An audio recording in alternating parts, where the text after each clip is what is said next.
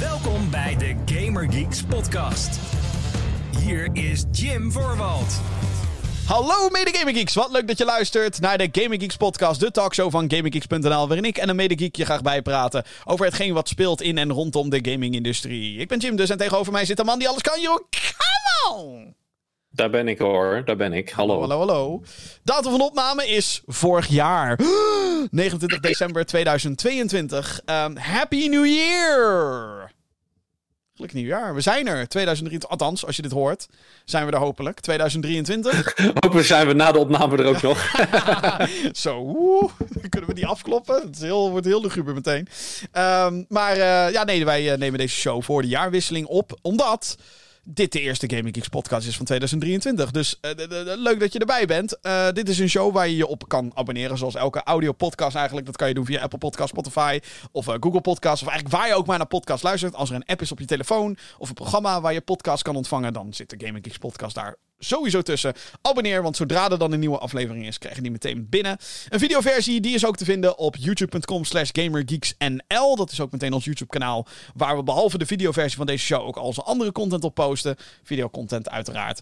Uh, maar ook op Spotify is de videoversie te bekijken. Dus mocht je nog uh, extra, extra context willen bij deze show in de vorm van beeld, uh, dat kan dan via Spotify en YouTube. Hè? Zo, daar zijn we dan. Een nieuw jaar en een nieuwe, nieuwe kansen voor de gaming-industrie. Uh, leuk dat je erbij bent. De afgelopen aflevering hebben we 2022 uh, in, een, in een notendop gegooid. Een uh, best wel lange notendop. We hebben het gehad over de games die ons opvielen. We hebben het gehad over de meest opvallende nieuwsberichten van het afgelopen jaar. Oef. En dat krijgt dit jaar een sequel, ongetwijfeld. Zeker als het gaat om bijvoorbeeld de Activision Blizzard deal. Dat, dat, dat gaat, die saga gaat gewoon dit jaar weer door hoor. Dat is gewoon een soap. Um, maar... Um, het is een nieuw jaar en dus ook heel, heel, heel, heel, heel, heel, heel, heel, heel, heel veel nieuwe games. Um, Jeroen, een beetje in de, in de, in de algemene sferen. Uh, wat verwacht jij van 2023? Heb jij nog dingen die je op gaminggebied of daarbuiten uh, wilt doen in 2023? Ik wil een mooie reis maken naar Japan. Maar dat gaat denk ik volgend jaar, of dit jaar, niet meer lukken. Ik denk dat dat een beetje te duur is. Um, wat verwacht ik? Uh, ik denk dat er een aankondiging van een nieuwe Switch gaat komen. Oh, oh ja. Ja. Of nee, laat ik het anders zeggen: een nieuwe Nintendo. Misschien namen, ja, doen ze de naam. Switch wel weg. Dat weet je niet. Ja. ja het dat, de Switch U. Dat ligt toch wel een beetje. De Switch U. Wie? Um, maar dat ligt wel een beetje in de lijn der verwachtingen, denk ik. Uh, dat Nintendo toch wel een keer met iets nieuws moet gaan komen. De Switch is ja. inmiddels veroud. Ik bedoel, de, de, hardware was al niet helemaal nieuw meer toen de Switch uitkwam in 2017. Dat gebeurt vaker met consoles en handhelds. Bedoel, de PlayStation 5 bijvoorbeeld is een mooi apparaat, zeker. Zit daar de allernieuwste computer, hardware, gaming technologie in? Nee, dat niet. Ja, ze beginnen natuurlijk al met de hardware die op dat moment leverbaar is met ontwerpen. Ja, en dan op het moment dat die daadwerkelijk uitkomt, is er alweer wat nieuws. Maar in principe, zie je met ook de voorgaande consoles van PlayStation in dit geval, is dat nooit echt een probleem opgeleverd. Bij de Switch nee. merk je het wel. Ja, dat nou merkte al het begin al dat hij eigenlijk voor wat ze wilden iets te zwak was. Ook bij PS4 merk je dat nu ook natuurlijk bij titels die uh, ja. cross-gen zijn. Dat je merkt, oeh, was het nou echt wel zo'n verstandig idee geweest om nog op de last gen uit te komen? Cyberpunk ja, bijvoorbeeld. Um, bijvoorbeeld. En dat is al twee jaar geleden, meer dan twee jaar geleden moet je nagaan. Um, maar ja, de, de, een, een, nieuw Nintendo-apparaat. De opvolger van de Switch. Ik, uh, ik verwacht ook wel dat we dit jaar op zijn minst de aankondiging krijgen, ja. Uh, in ieder geval wat meer nieuws erover. Ja, een launch zou helemaal top zijn, maar dat, ik weet niet. Uh, jij, jij, gaat ver, Jim. Een launch. Oeh, oeh ja, de, jongen, jongen, de, toch. De, de Switch kwam uit in maart 2017. Nou, maart gaat hem sowieso niet worden, anders hadden we denk ik inmiddels wel uh, wat gehoord. Wat meer concreter. Volgens mij is het zo dat we over de Switch in 2016, eind 2016, kregen volgens mij de eerste onthullingstrailer. Waar ik toen volgens mij een uur over heb gezeten in een video. Helemaal analyseren elke frame, welke games zagen we, wat, hè, wat is de strategie van Nintendo en hoe ging het worden. Nou, uiteindelijk super succesvol, dus chapeau naar Nintendo. Um, maar het gaan ze dus niet meer redden, denk ik. Sowieso niet. Um, maar het zou wel. Het zou wel, denk ik, Nintendo ten goede komen als ze dit jaar nog met een, eh, met een nieuw apparaat zouden verschijnen. Maar ja, of dat dan ook. weer aansluit bij de line-up en zo. En qua games. En, want daar moet je ook allemaal dingen voor klaar hebben. Eh, wat natuurlijk sowieso heel erg zou helpen. Daarin al is dat de nieuwe Zelda-game dan compatible wordt met de nieuwe.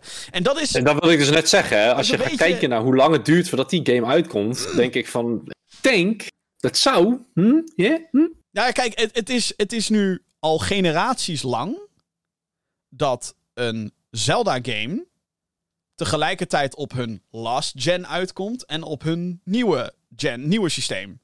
Hè, eh, Twilight Princess kwam uit op de Wii en de GameCube tegelijkertijd. Ehm Breath of the Wild Breath of de the Wild Wii- op de Wii U. En, En, ja, ik moest daar even heel lang over nadenken. Maar Breath of the Wild inderdaad op de Wii U. En op de... eh, de pff, goedemiddag. Switch. De Switch, dank je. Eh, is er dan een Zelda-game op Wii en Wii U die tegelijkertijd uitkwam? Nee, want er kwam geen tweede. Wel ports. Twilight Princess HD. Maar ja, dat, die telt dan even niet. Dus we hebben het nu een paar generaties gezien. Dat, dan zou het natuurlijk nu kunnen zijn dat deze die cycle dan skipt. Net als dat Wii naar Wii U was er geen Zelda die, tegelijkertijd op beide uitkwam. Maar ja, het zou toch wel een goede zijn. Eh, wat, wat, maar wat moet de nieuwe Switch worden, Jeroen?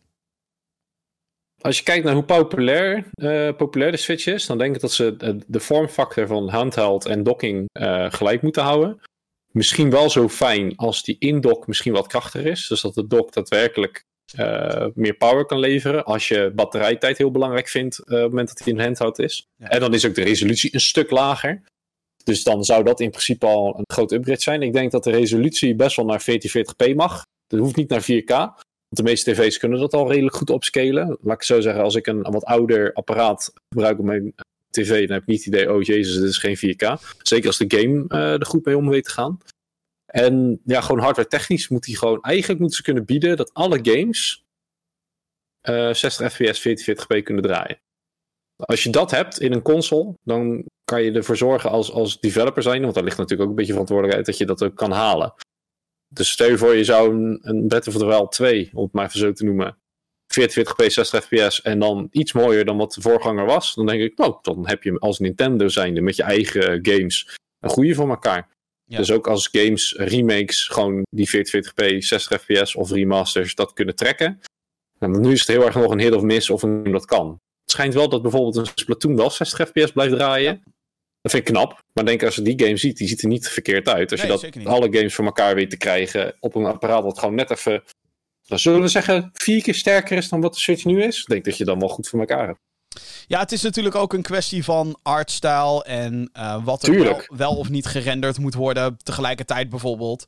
Ehm een Splatoon speelt zich af voor het merendeel. En correct me if I'm wrong, want ik heb Splatoon 3 niet gespeeld. Maar zeker als het gaat om multiplayer, ja, je, je laat eigenlijk gewoon een best wel simpel, simpel level laat je in. En dat is het enige wat dat ding hoeft te renderen. Met characters die wel gedetailleerd zijn, maar door de artstijl, en wat, daar wordt best wel over nagedacht, wat natuurlijk heel slim is. Maar niet per se, zeg maar, je hoeft niet à la Horizon op PlayStation te zien dat iemand aan het zweten is. Of de poriën in hun huid en dat soort zooi. Dat, dat is niet nodig bij deze characters. Dat past ook niet bij de artstijl. Ehm, dus ja, da- daar steken ze ook geen moeite in om dat soort dingen te gaan zitten. Waarom zou je dat doen? Ehm, en ik denk ook dat eh, Super Smash Brothers Ultimate ook een goed voorbeeld is van een game waar ontzettend veel in gebeurt. Kan gebeuren. Zij het in een gelimiteerd speelveld. Dus daar kunnen ze waarschijnlijk helemaal in losgaan. Ik ben het met je eens dat 1440p the way is to go. Mensen moeten dat 4K, wat mij betreft, gewoon loslaten. Want de meeste games. Voor Nintendo zeker, ja. Ja, want de meeste games. Nou ja, eh, de meeste games die ik speel op PS5 zijn ook geen 4K. komen ook niet hoger dan 1440p. Komt ook omdat ik vaak performance mode kies. Maar ik hou Mhm. gewoon van performance. Ik vind gewoon als het smoother speelt en draait. Maar dat merkte je heel erg met, met de, de, de release toen van Breath of the Wild op de Switch. Ja. Is dat die gelijk al, terwijl het een game voor de Switch was, al heel hakkelig liep in de meeste gebieden. En dat hebben ze uiteindelijk met patches best wel snel weten op te fixen. Maar dan denk ik van, er zijn nog steeds momenten in die game die op de Switch al niet lekker lopen. En dat, dat vind ik zonde. Zorg er dan voor dat zo'n game 100% soepel kan lopen op zo'n op zo'n console. Dus de console moet dan sterker zijn.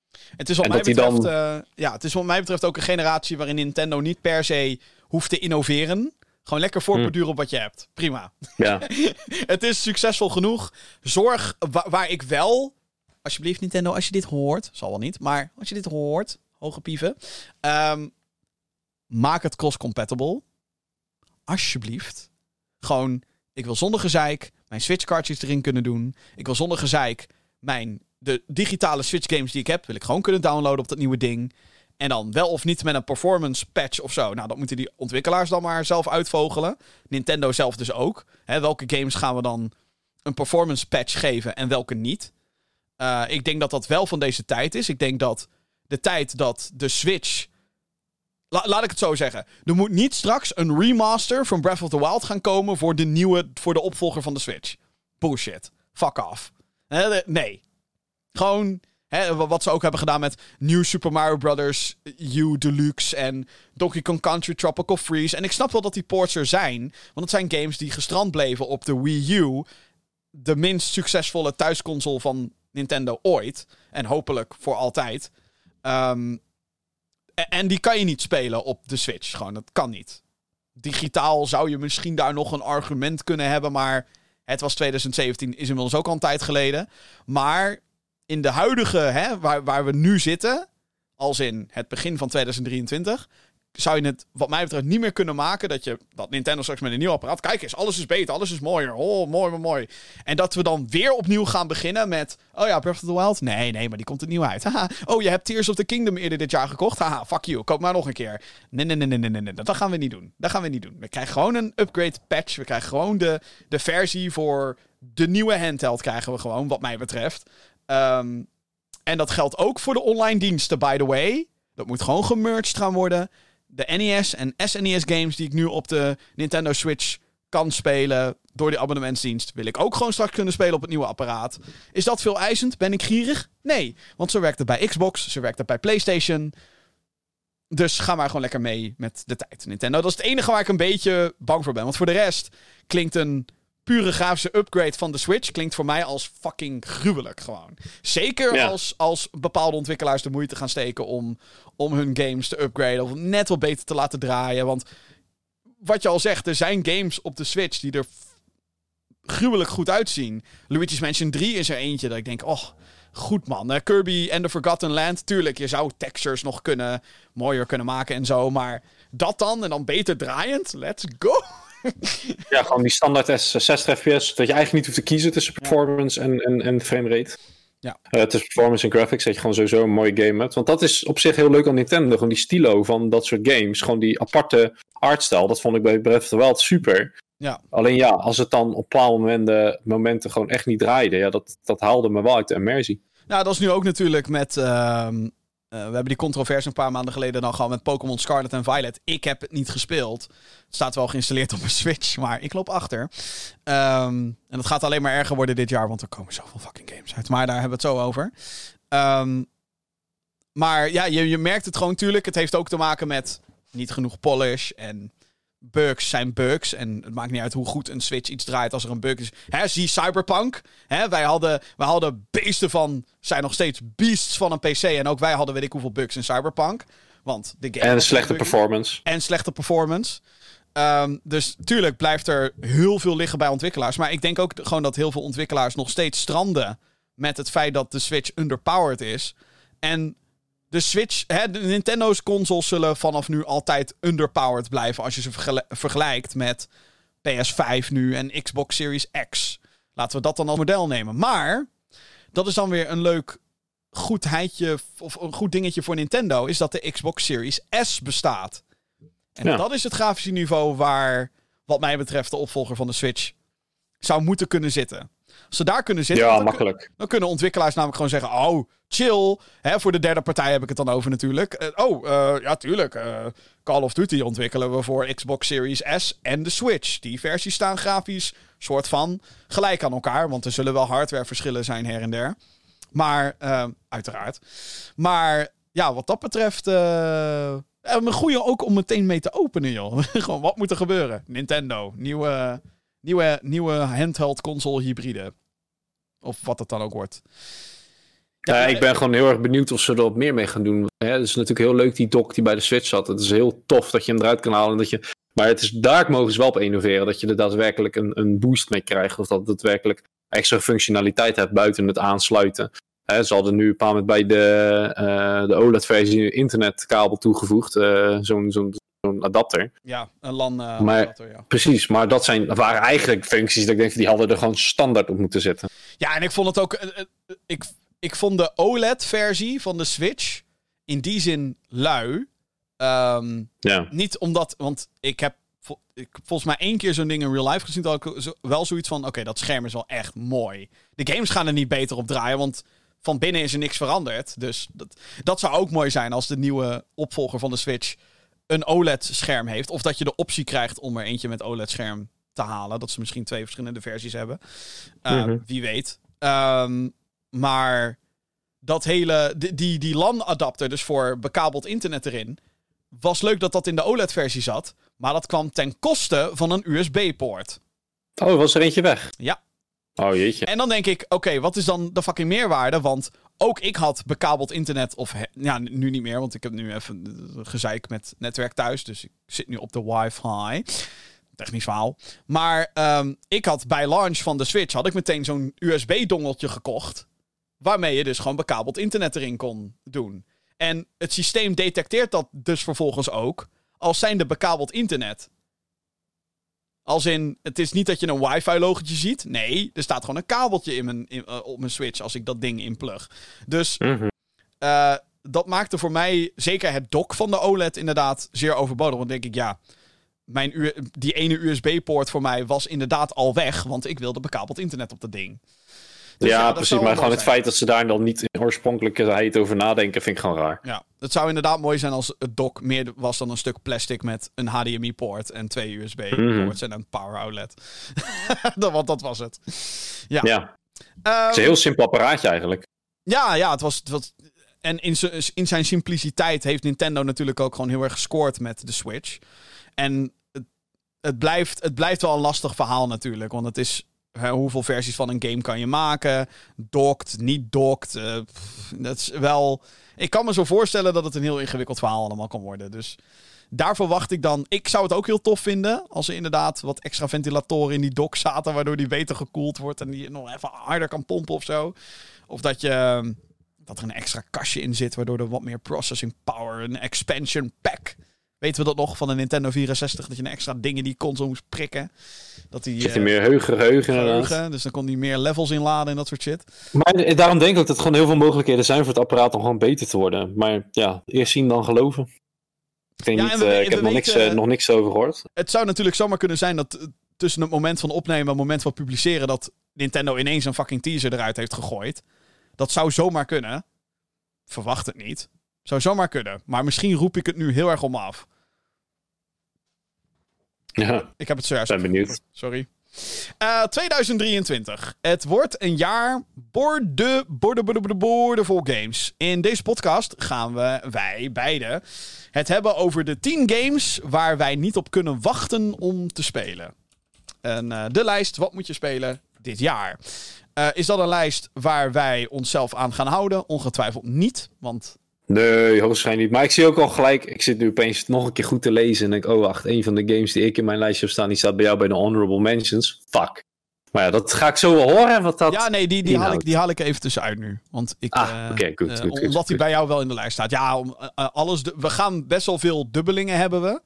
Eh, Tuurlijk. dus Maar het, het, het grappige is, is dat toen ik even nog een keer ga kijken, wat komt er ook weer allemaal? Er zitten er ook echt titels bij dat ik denk van, ja, dat ga ik sowieso never nooit niet spelen. Nee, tuurlijk. Eh, er zijn een paar jaar- toevoegingen in mijn lijstje die jij totaal niet hebt. Nee. Goede reden voor ook natuurlijk. En een aantal die ik totaal bij jou niet heb. Want ik ook denk van, nou, leuk voor je gym, maar dat is echt niks. Gestond. Nee, nee, nee, nee, nee. Gewoon niet mijn type games. Maar ook games die ik denk, ja, ja, die vind ik ook heel vet. Ja, en eh, ehm, om ervoor te zorgen dat dit zo eerlijk mogelijk verloopt, hebben we dus een paar regels voor deze lijst. Elke lijst moet wat mij betreft regels hebben, want anders kan je eh, zo ver gaan als dat je zelf wilt. Eh, dus de 10 games waar wij ons op verheugen, of wat je moet spelen in 2023. Drie regels. Regel 1. Games moeten bestaan slash aangekondigd zijn. lijkt me best logisch. Maar ik denk, ik zeg het er toch maar even bij. Want anders zou je inderdaad dingen kunnen roepen als... Weet ik veel. Bioshock 4. RuneScape 4. Ja, ehm Bioshock. Oh. Bioshock 4. Ja, oké, ik weet dat de game bestaat, want het is in ontwikkeling. Dat is allemaal officieel bevestigd. Maar dan komen we bij regel 2. En deze is ook belangrijk. De datum van de games die wij in ons lijst hebben... moet op zijn minst bevestigd zijn... als zijnde 2023 door de ontwikkelaar en de uitgever. Maar hoe zit het dan met early access games? Daar heb ik dus ook over getwijfeld. En daarom heb ik geen early access games in mijn lijst gezet. We kunnen zeggen, ja, Star Citizen is ook nog niet officieel uit. Dus eh 2023. Maar is wel speelbaar. Ja, inderdaad. Ja, tenzij ze ergens in een trailer zouden hebben... ge- Maar je hebt, je hebt Star Citizen er niet tussen staan, dus whatever. Nee, nee, Spoiler, nee. spoiler. Spoilers. Maar als ze inderdaad hadden aangekondigd... Yo, hè, de full version of deze campaign of... Hoe heette dat? Squadron 42 of zo met al die science Ja. fiction sterren. Ja, Dat komt maar in die is ook 2000 nog niet volgens mij. Nee, die is ook nog niet. Nee. Maar als ze een trailer hadden of als hun laatste aankondiging was geweest. Deze komt in 2023, dan had hij mee kunnen doen. Bij wijze van. Zou ik zeggen. Maar daar hebben wij gelukkig niet mee te maken. Eh, laatste regel van deze lijst. Eh, de lijst is een momentopname en is slechts een mening. Ja, dat vind ik een hele goeie. Anders weet ik al wat gaat gebeuren. En dan krijg je binnen no time krijg ik eh, boze menigte aan de deur. Als ik een Nou game ja, een keer ik- niet gespeeld heb. Nou, jij, jij hebt een game in de lijst staan die ik dus inderdaad alleen in de honorable mentions had. En ik weet dat Ja. dat nogal voor wat woede kan zorgen, maar eh, er komen aankomend jaar, laat ik dit voorop stellen. Er komen aankomend jaar zo ontzettend veel games uit, dat we bij wijze van ook nog een top 20 hiervan hadden kunnen maken. Oh, makkelijk. Maar wat het voor mij ook heel erg is, is dat ook heel veel keuzes zijn gemaakt op ervaring die ik al of met een voorganger heb Ja. gehad. Of met eh, mijn eigen interesse, interesses in, in de game, laat maar zeggen. En, en ja, soms krijg je dan andere keuzes. Ja, dat is helemaal niet zo gek. Ja. En dat heeft niks te maken met hoe goed daadwerkelijk een game is, maar gewoon hoe meer ik erop gehyped ben. Ja, ja, dat is het. Dus het is allemaal onze persoonlijke mening. Dat betekent niet dat de games die buiten onze lijstjes vallen, dat we die niet willen proberen en dat we denken dat die kut gaat zijn. Totaal niet. Ehm, ik denk juist dat dit de potentie heeft om een van de beste gamejaren ooit te worden. Omdat we nu eenmaal de titels krijgen die eigenlijk in 2021 of in 2022 uit hadden moeten komen. En dit jaar is het dan eindelijk zover. Zijn ze af en dan kunnen we Niet te vroeg juichen, hè? Een vertraging of een delay zit er altijd om het hoekje ja, te loeren. Ja, ja, dat zeker weten. Ehm, Oké, dan gaan we naar de, eh, ik noemde ze al, de eervolle vermeldingen. Dus dit zijn de games die eh, het wat mij betreft net niet gered hebben om in de top 10 te komen. En ook niet in eh, Jeroens top 10. Eh, maar die wel een mention verdienen. Want anders gaat de comment sectie in, in vuur en vlam staan. Wat niet zo heel gek zou zijn. Vind ik ook, want er zit hele grote tussen. Ehm, honorable mention. In eervolle vermelding naar Starfield. De nieuwe RPG door Bethesda. De makers van The Elder Scrolls, Skyrim en eh, The Elder Scrolls Oblivion en Fallout 4 en Fallout 3. Dit wordt een nieuwe RPG, een space RPG. Ik heb meer het idee dat ik moet verdedigen waarom het niet in mijn lijst staat... dan waarom ik het een eervolle vermelding geef. Ehm, ik zal hier eerlijk zijn, ik vond de gameplay die tot nu toe geshowcased is niet bijster indrukwekkend. Ik denk dat het een hele toffe RPG gaat worden. Denk ik dat het, dat het, dat het fucking goed gaat zijn. Ik weet het niet. Dus daarom had ik niet zoiets van, oh, voel ik echt hype hierbij of ben ik hier gewoon wat meer nieuwsgierig naar? En dat heb ik vooral. Ik ben vooral zo, mm, ik ben nieuwsgierig. Een beetje in dezelfde vibe. En nee, het gaat niet hetzelfde type game worden, ik weet het. maar het, het heeft bij mij een beetje hetzelfde als wat ik had met No Man's Sky. Dat ik dacht, ik ben eerder Nou, nieuwsgierig. maar weet je wat het een beetje is met, met deze game? Is dat het ziet er allemaal heel erg, heel erg vet en groots en mooi uit. Maar dan ga je even terugdenken van een ander ouder project waar ze ditzelfde gevoel een beetje wilden creëren. en dat was iets met 76. 16 En- times the detail. Dit ziet er veel lauwer uit, maar dat geeft me wel, en dat is bij een andere honorable mention ook een beetje van, ik ga toch eerst even de kat uit de boom kijken. Met wat er daadwerkelijk uit de koken komt, in plaats van wat ze in de, in de media laten zien.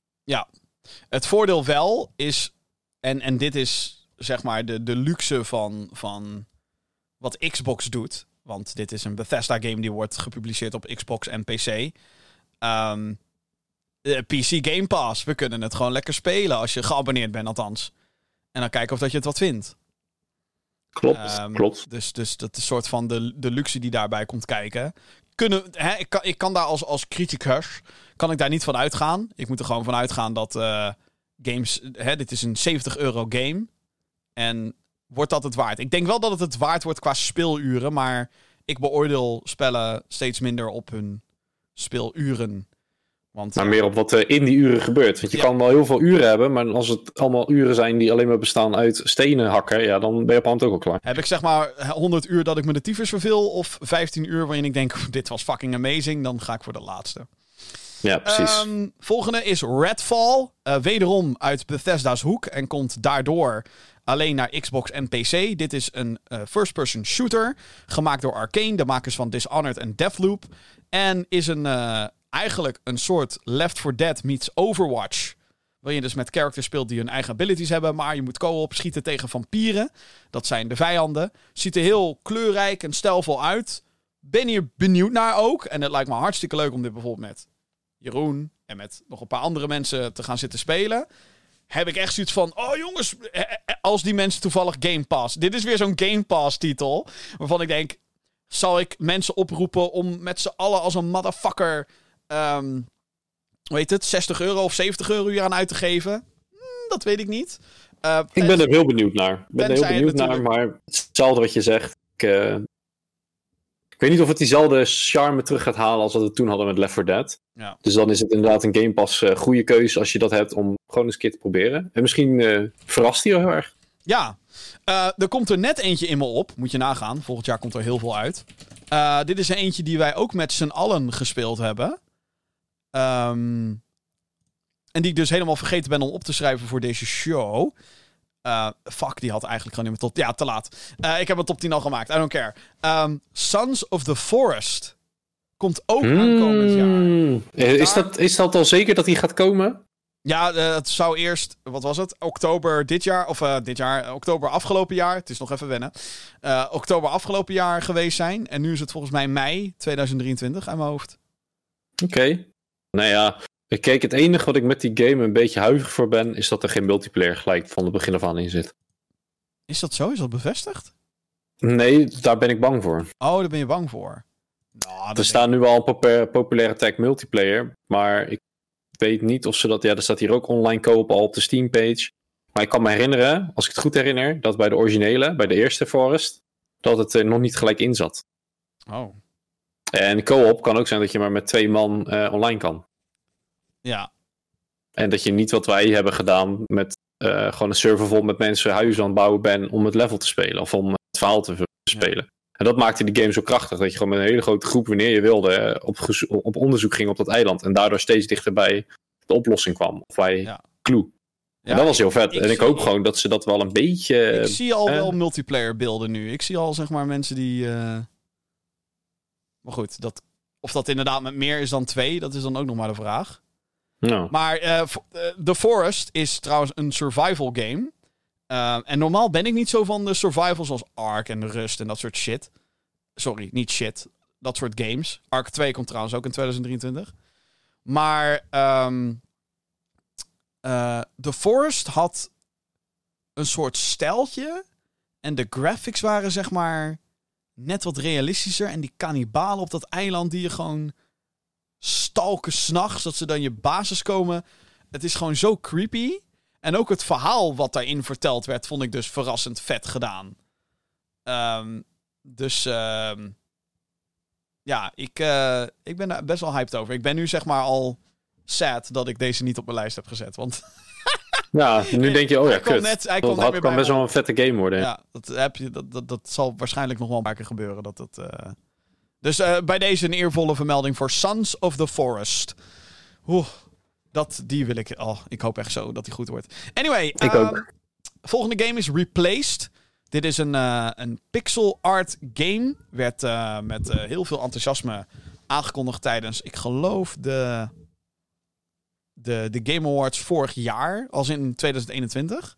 En afgelopen week, of afgelopen week, een maand geleden, kwam er weer een nieuwe trailer tijdens de Game Awards van 2022.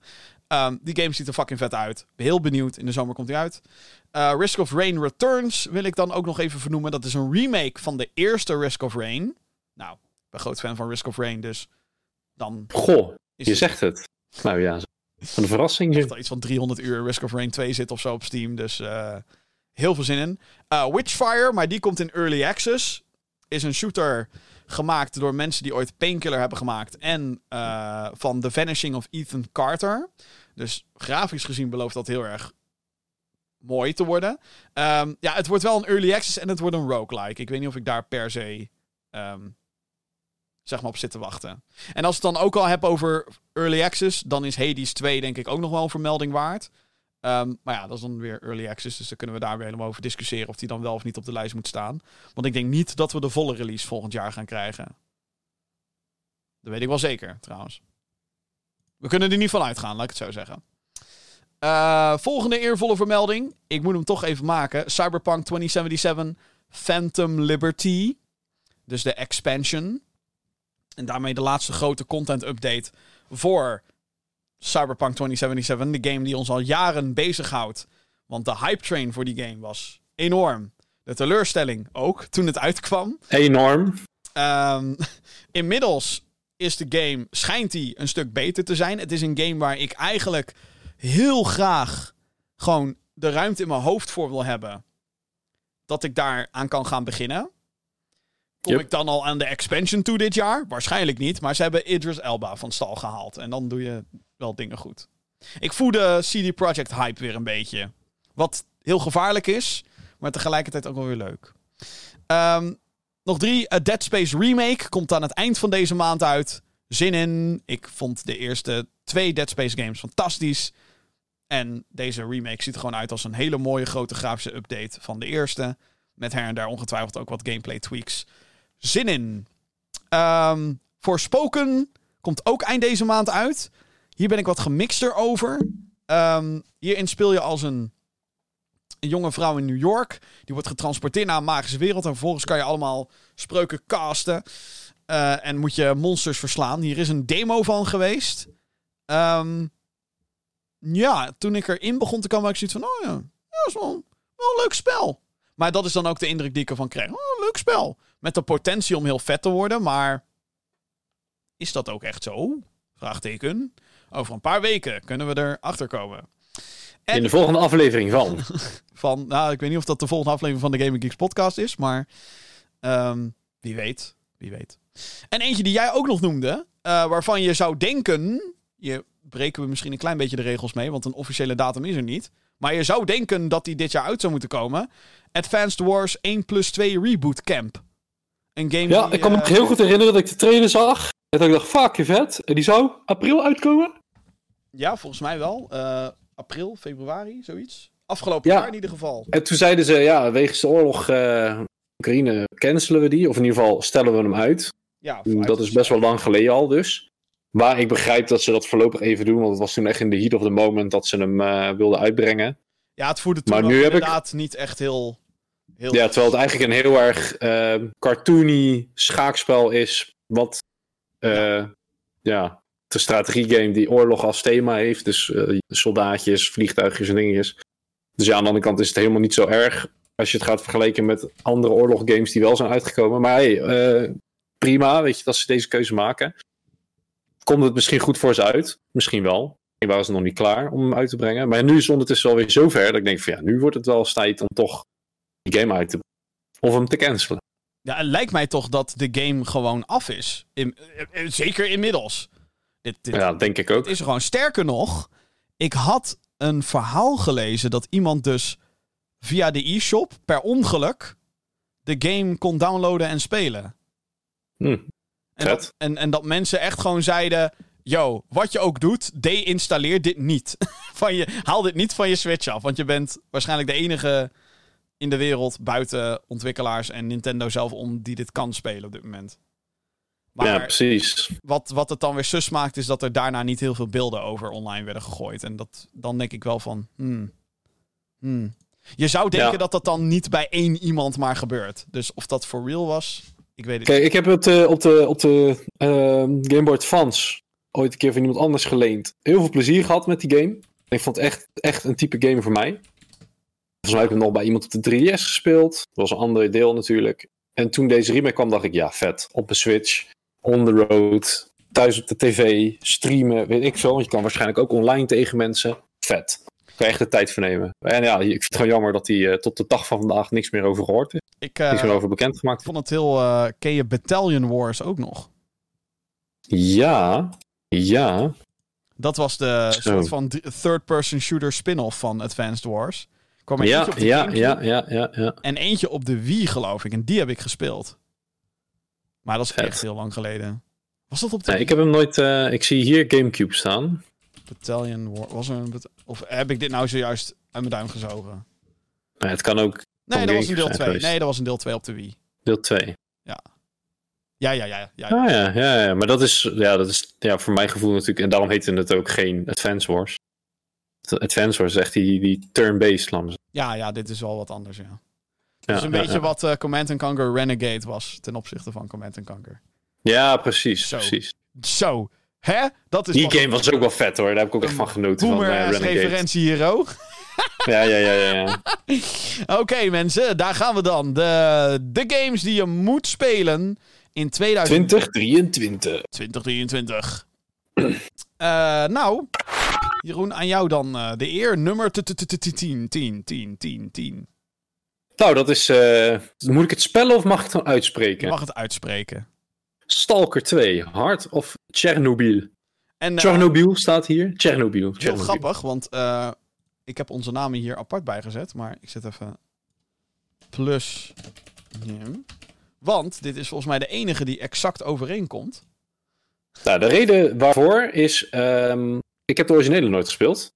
Oh. Maar als ik de beelden zie van de nieuwe en hoe andere mensen over praten en de lore die erachter zit, denk ik, ja, ik denk dat ik me hier wel in kan verliezen in deze game. Ja, dit is een eh, first-person shooter gemaakt door GSC Game World. Zij zitten voor een groot deel in Oekraïne. Eh, afgelopen week werd ook bekendgemaakt dat een van de designers is omgekomen in de strijd. Dus dat zijn gewoon, ja, gewoon ontwikkelaars die in, in, in het midden van dat conflict zitten. Ehm, wat, het, wat het ook wel weer een extra lading toch op de een of andere manier Mhm. meegeeft. Ik weet niet echt, het is niet echt een bepaalde lading die ik per se zoek in een videogame, als ik heel eerlijk ben. Want ik speel vaak videogames om weg te gaan van de realiteit. Ehm, en nou is Stalker 2 allesbehalve realistisch hoor, by the way. Want het is een post-apocalyptisch. eh, je bent op nucleaire grond. Eh, en daar zijn allemaal monsters gekomen. Het is in die zin best vergelijkbaar met de Metro-franchise. Ehm, maar dan met wel wat meer s- survival elementen in Stalker, geloof ik. Ehm, dus ja, dat. Eh, maar het ziet er mo- mooi uit, hè, Jeroen? Nou, het ziet, eh, zeker als ik nu weer met jou meekijk, denk ik, ja, dit ziet er wel heel vet uit. Ik ben altijd alleen bang met sommige games die hier op de lijst staan, dat zelfs mijn 3090 niet meer voldoende is. Maar Nou, kom nou. gaan we merken. Kom nou. Hè? Als de PlayStation 5 en de Xbox Series X het kunnen, dan moet onze PC het ook kennen. Ja, daar ga ik wel vanuit, inderdaad. Maar eh, eh, de reden waarom ik zei gedeelde is omdat ook dit bij mij op nummer 10 staat. Ehm, ik vind de game er veelbelovend uitzien. Hier is heel lang aan gewerkt. Ehm, Ja. Ook inclusief natuurlijk de pauzes die er kwamen. En de pauzes die er nog steeds zijn door eh, dat verschrikkelijke conflict. De oorlog. Ehm, maar ja, ook, ook al zou, zou, zou dat er helemaal niet... Zou dat niet ter sprake zijn is, zou dit een game zijn waarvan ik zou zeggen: Oh, dit ziet er wel echt heel goed uit. oh god, John, onder you. Eh, en ja, ik ben natuurlijk wel te porren voor een goede shooter. En eh, ook veel verhalen gehoord over Stalker 1. Vooral dat het heel erg janky is. Maar goed, dan heb je het over een open world first-person shooter in 2004. Vier? Ja, ja de eerste Stalker kwam, geloof ik. Heb ik dat goed? Nee, ik zie hier ergens voorbij komen 2007. Oh, oh nee, dat zo. Shadow, Shadow of Chernobyl. Oh. Maar wat ook tegenwoordig nog steeds een heel groot ding is met Stalker, is de mod scene. Er zijn zoveel mods en ook echt goede mods voor, met, met andere story arcs en zo. Ja, je hebt gelijk. Ik denk van, 2007, ja. Het is echt heftig. Heftig hoe lang zo'n game dan kan blijven draaien. En hoe lang de, de hype voor zo'n game blijft. Ja, en het, eh, eh, hoe heet het, de studio heeft inmiddels natuurlijk ook heel wat ervaring opge, opgedaan. Mhm. en Zo. En eh, hier heel lang aan gewerkt. En eh, ja, de laatste keer dat wij dus iets hoorden over deze game. ehm, op het moment van opnemen moet er nog een nieuwe trailer uitkomen. Maar ik zag in de omschrijving van die trailer, want er staat er zo'n YouTube countdown ding bij, dat het nog gepland staat voor 2023. Of dat ze dat gaat lukken, is natuurlijk ook nog een twijfelgeval. Ik heb vooral zoiets van. wees alsjeblieft veilig en gezond en die game komt later wel. Ehm, en wij kunnen nog wel wachten op een... Er komen genoeg games uit verder dit jaar. Laat ik het zo... Ja, wij precies, vervelen ons precies. niet, oké? Als je maar veilig bent. We kunnen zeggen, de eigen veiligheid is belangrijker dan de, de komst van die game. eh. Ja. Maar zin in. Stalker 2 komt eh, hopelijk ergens 2023. Nou, in ieder geval Xbox en PC. Eh, ik geloof ook naar Game Pass. Ik heb steeds meer reden om zo'n ding te halen. Zo, de Game Passie. Worden jullie gesponsord? Nee, nee, nee, echt niet. Helaas. Was dat maar zo. Xbox bel mij. Wauw. PlayStation bel mij. nu al helemaal niet meer. Nintendo bel mij. Nee. Ehm, volgende, nummer, nummer 9. 9. Jeroen, come on, let's go. Bij mij is dat Diablo 4. Oh, the one and only the El Diablo. El Diablo. En en de reden waarom die niet hoger staat, want er is wel hype voor deze game. Maar het grappige is, de meeste hype voor Diablo komt door jou. En, en ik ben zelf niet zo opgegroeid met Diablo. Dus ehm, ik ben ooit een keer, hoe oud was ik? Nou, niet oud. In Frankrijk in contact gekomen met Diablo 2. Toen eh, heb ik een keer mensen hem in een kelder als een soort van LAN-party zien spelen. was fucking vet. Oh, oh, oh, oh, Nou, toen kwam uiteindelijk de remake. Die heb ik. Ja, is het de remake? Ja, is een remake. Eh, die heb ik met jou even gespeeld. En dan komt gelijk het addertje onder het gras, jongens en meisjes die aan het luisteren zijn. Want die Jim, die rent er doorheen alsof die bezeten is. En dan loop je daar voor het eerst in die game. Nou, ik kan je zeggen, al je loot is pleiten. Alle goede loot is pleiten. Dat Ja, maar joh, je, moet, je moet gewoon op de kleurtjes letten. Je moet gewoon klikken. Ja, maar voordat ik inderdaad door heb wat het kleurtje betekent, is het al pleiten van mijn map. Dus ik moet nog een beetje wennen aan die game. Misschien moet ik een keer in mijn eentje doorheen gaan spelen, zodat ik de lore wat beter begrijp. Maar het ik, ik enige vind de hele ik, eh, stilo van de Diablo games wel echt heel vet. Dat is het enige wat ik kut vond aan die remake van Diablo 2, Resurrected. Oh, gezondheid. Dankjewel. dus het enige wat ik kut vond is, in Diablo 3 is het namelijk zo dat de loot die dropt is alleen voor jou. Dus voor jou dropt Oh, ja, de andere ja. loot en voor mij dropt de andere loot. En ehm, Ja. hè, als je wel iets vond waarvan je dacht, hé, hey, daar kan mijn maat meer mee, kon je dat gewoon droppen. En dan werd het zeg maar met iedereen in de pot gedeeld. Eh, in de match, die op dat moment daar bij jou in die wereld zit. Ehm, dat is het enige waarvan ik denk dat hadden ze in Diablo 2 Resurrected van mij wel mogen toevoegen. Want het is gewoon fucking tedious om. Zeker als je in de endgame gaat grinden. En nou ben ik daar niet zo heel erg van, als ik heel eerlijk ben. En ik weet dat er nu wel wat mensen gaan zeggen. Maar dat is Diablo. Whatever. Eh, ik vind juist de lore en, en, en met die verschillende characters door het verhaal heen vind ik vet. Ehm, Mhm. En een beetje endgame grinden vind ik leuk, maar pff, echt 100, 100 keer beel vermoorden, zeg maar, om één item te krijgen. En dat is dus het kut. In Diablo 2 is het inderdaad zo dat je dan... Oh, eindelijk dropt dat item. Dan de eer- degene die hem als eerste pakt, die heeft hem. En dat is Jim altijd, als hij met ons speelt. Altijd! Ja, omdat ik Diablo 2 goed ken. Ik, ik ken die game heel veel gespeeld, dus dan, ja, ken ik het. Maar... En dan Diablo- moet je mij voor, hè, voor je zien, die dan zit te klikken zo. Oh, hey, er ligt daar een uh, oh, paars itempje. Wat, is dat paarse itempje nou? Dan zie je hem dus inderdaad als een gek voorbij rennen als een loot goblin. En eh, die heeft een zak vol. En dan hoor ik hem zo. Ik heb eh, weer eh, 20.000 coins eh, van alle items die ik heb kunnen verkopen. En ik had dat item. Dat was een upgrade voor mij. Maar nee, hij moet weer voor die, die kaartjes zeggen, gaan. dan had ik gewoon die shit op de grond geflikkerd. Gold speelt niet zo'n heel... Ja, alleen in de early games speelde het een klein beetje een rol, maar daarna... eh. Diablo-experts weten dit, mensen. Nou, whatever. Diablo 4. Waarom, Ja. waarom heb je er alsnog zin in? Want ik hoor nu alleen maar argwaan. Gewoon de, de stilo, de stijl, de, de manier waarop het speelt. eh, hè, een beetje die fantasy. Een beetje Dungeons Dragons vibe misschien. In de zin van dat je dus monsters moet slenen. En dat jij eh, een ranger, een mage, een necromancer in deel 2. Weet je, dat je allemaal verschillende classes hebt die je kan spelen. Dat heeft me altijd wel gepakt. Zeker die progressie die in die games zit. Dat je dus kan levelen en steeds sterker wordt. Ja, leuk. Vind ik, vind ik altijd leuk. Kan er echt in verdwalen. Ja, ik heb deze game op nummer 8 staan. Dus eh, ik zal er nu alvast commentaar op geven, zodat we er zo meteen lekker eh, snel, door, eh, snel doorheen kunnen. Ik, ehm, ik ben wel hyped, want ik ja, staat, staat op nummer 8. Ehm, ik heb het idee dat ze wel geleerd hebben van 3. Mhm. Maar het blijft modern Blizzard. Ja, precies. En- precies.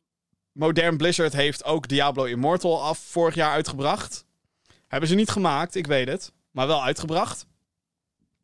En tuurlijk, dat was free-to-play. En dat was een mobile game. blablabla. Maar op de een of andere manier heb ik toch het idee dat... Er zit een soort van smaad op alles wat Blizzard maakt, bekend nu. Maar ook op Diablo. En dat is voor mij als hè, zeker iemand die twee vroeger echt fantastisch vond en nog steeds vindt. Vind ik dat wel echt heel jammer. Maar wat ik al zei, het lijkt erop dat 4 wel daar heel erg van heeft geleerd. Het leunt wel iets te veel op nostalgie, maar dit is iets waarvoor ik eerst de game moet spelen voordat ik hier echt over kan oordelen. Want de klasses, de classes, de klassen die er zijn, zijn wel allemaal, ik wil niet zeggen gerecycled, want andere skill trees, nieuwe game, et cetera, et cetera. Ehm, maar het zijn wel, er zitten geen nieuwe tussen. Dus de Rogue komt uit 1, de Druid komt uit 2, de Barbarian komt uit 2 en 3, weet je wel, et cetera, et cetera. Dat zijn alle characters. Uh, niet, niet die drie, dat zijn niet maar de Sorceress. Hè, komt ook uit 2 en uit 1 en 3. Weet je wel, dus het is, er zitten geen nieuwe, nieuwe klasses in. Geen nieuwe characters. Dat vind ik wel jammer. Want wat ik juist super tof vond van zowel Diablo 2 als 3 zijn die gekke nieuwe characters. De Necromancer in 2. Zo van, what the fuck, ik kan de lijken van mijn vijanden... kan ik, daar kan ik een skelet uit oproepen. Like, what the en ik kan de lijken laten ontploffen voor damage. Like, luguber, maar vet. Uh, en in Diablo 3 had je dan de, de, de, de voodoo uh, Nazibo, de, de witch doctor... die dan de rol vervulde van de Necromancer wel in de, in de, in de launch line-up. Necromancers later toegevoegd in Diablo 3. Uh, maar ook ja, gekke spinnen kon je summonen. En een, en een, en een gargantuan die dan met jou mee ging lopen. Ja, what the fuck. Hè? Um, en, en deze line-up van characters heeft die verrassing niet. Want je weet al dat de druid in een weerwolf en een beer kan veranderen. Want dat zat ook in Diablo 2. Een beetje dat krijg ik. En dan ben ik een beetje overdreven kritisch. Maar dat komt ook omdat Diablo bij mij zwaar weegt. En ik hoop dat ze de lore niet gaan verneuken. En dat zeg ik als een van de weinige mensen die echt keert om de lore van Diablo. Want 3 was ook niet. Uh, het was niet slecht. Maar was het een goed verhaal? Eh, het was. Ja, action RPG's zijn vaak wel voorspelbaar. Maar. Ja. Ik ben, ik ben een beetje huiverig, zoals je merkt. Maar daardoor ook wel weer hyped. Want. Ja, tot nu toe ziet het er heel goed uit voor wat we hebben gezien. En het is Diablo. Ja, Diablo. precies. Diablo. Gaan we naar uh, mijn nummer, nummer, nummer, nummer, nummer, nummer 9. En dat is een uh, indie game die afgelopen jaar werd uh, onthuld door Devolver Digital. Nou, dat is een, een uitgever die heel veel experimentele titels maakt. Ze staan vooral bekend om hun vroegere werk, zoals Hotline Miami. Dat is nog steeds een game waar, waar ze nog steeds over lastig gevallen worden van wanneer komt er een deel 3. Ze zeggen dat die er niet komt. Nou, dat zou, zou ik jammer vinden. Ik zou op den duur wel een derde willen. Maar uh, die Volver geeft meer uit. En uh, dit is een trailer die iedereen's harten had gestolen afgelopen jaar. De trailer voor The Plucky Squire. En dat is een game. Daarin speel je als een ridder uit een kinderboek. Maar die ridder kan dus uit dat kinderboek komen. En je moet het een beetje zien als Toy Story. Maar dan dat het in werelden kan stappen van andere objecten. Dus de game speelt zich eigenlijk af in een kamer, een kinderkamer. En als je dan in het, het, het, kinderboek gaat, dan ga je een bepaalde stijl gameplay aan. Maar je kan dus ook als die Squire eruit springen. En dan kan je bijvoorbeeld naar een mok toe. En dan is dat een ander level met een andere type gameplay. Klinkt een beetje. Ziet er wel vet uit. Maar de stijl is zo ontzettend vet. En ook in die kinderkamer zelf kan je allemaal puzzels oplossen en rondvliegen en weet ik wat allemaal. Dit is nou zo'n game dat um, ik in een podcast er eigenlijk geen, geen eer aan kan doen. Omdat het er zo ontzettend schattig en mooi en gedetailleerd uitziet. Um, en dit is iets wat je niet heel vaak ziet in de gaming biz. Ik wilde dit ziet er heel erg leuk uit. Ja, ik wilde toch ook een, uh, een indie game in mijn lijst hebben. En er komen zoveel, komen zoveel. Uh, dus laat dit er dan eentje zijn die, wat mij betreft, de melding verdient. Um, de Plucky Squire. Wanneer het uitkomt, nog geen idee. Maar het komt naar PC, uh, Switch, PlayStation 5 en Xbox Series S en X. Dus uh, zin in. Um, mijn nummer 8 is Diablo 4. Dus daar heb ik het al over gehad. Eh, maar nog niet over Jeroens nummer 888. Wat is Jeroens nummer 88888? Marvel Spider-Man 2, 2, 2, 2, 2. Veel te laag. Maar daar kom ik zo op terug. Ja, maar dat komt omdat ik ehm, deel 1 heb gespeeld. En nog niet Miles Morales, die heb ik ook. Die heb ik liggen. Mhm. En wat het voor mij wel is, is een hele vette game.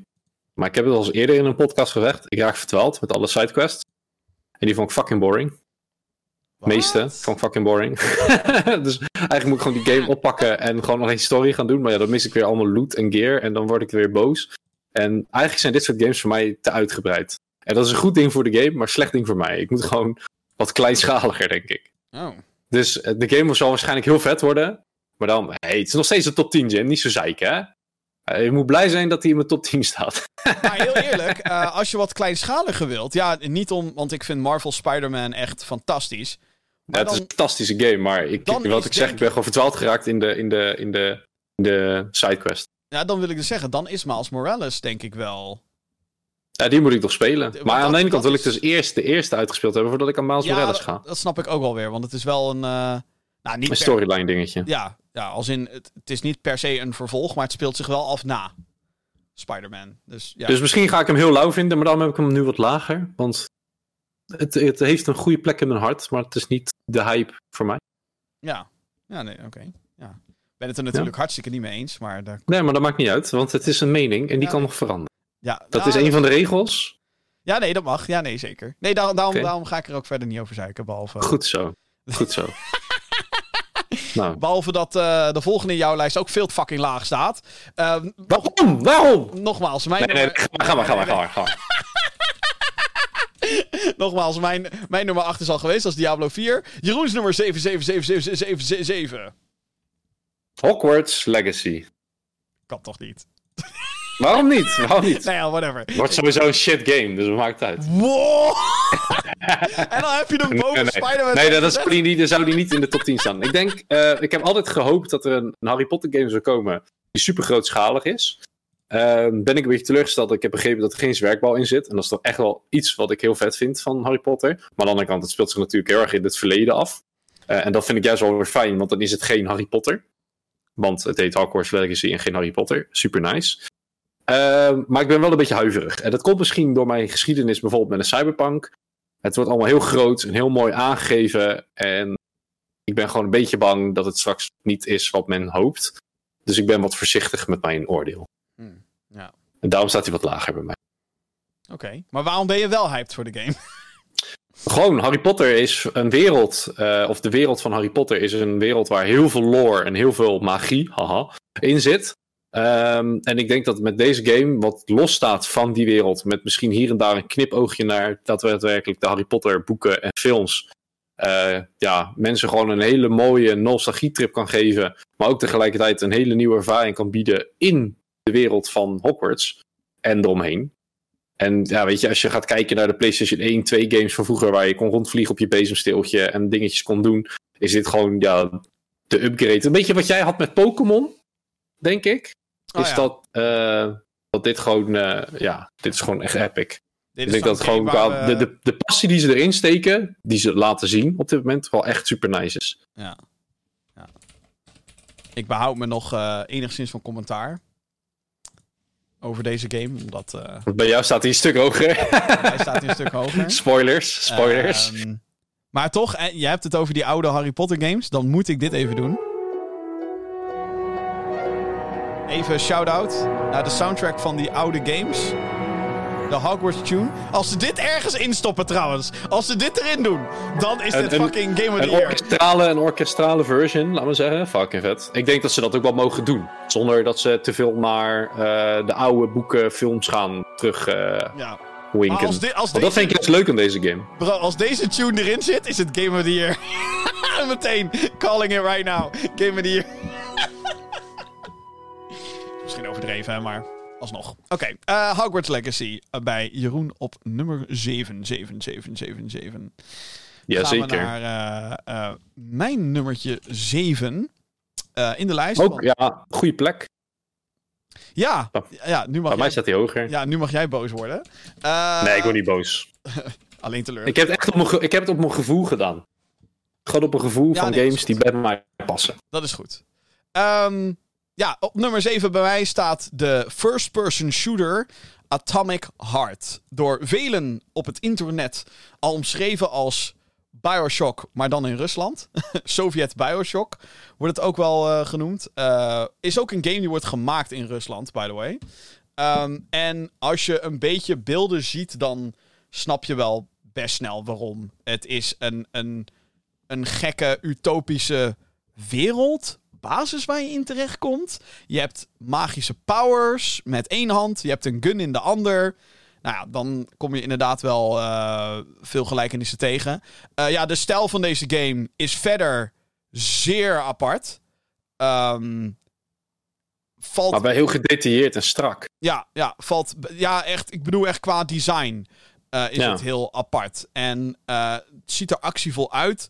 Ehm, ja, of het, of het echt natuurlijk lekker werkt, dat is echt een kwestie van. We moeten het spelen.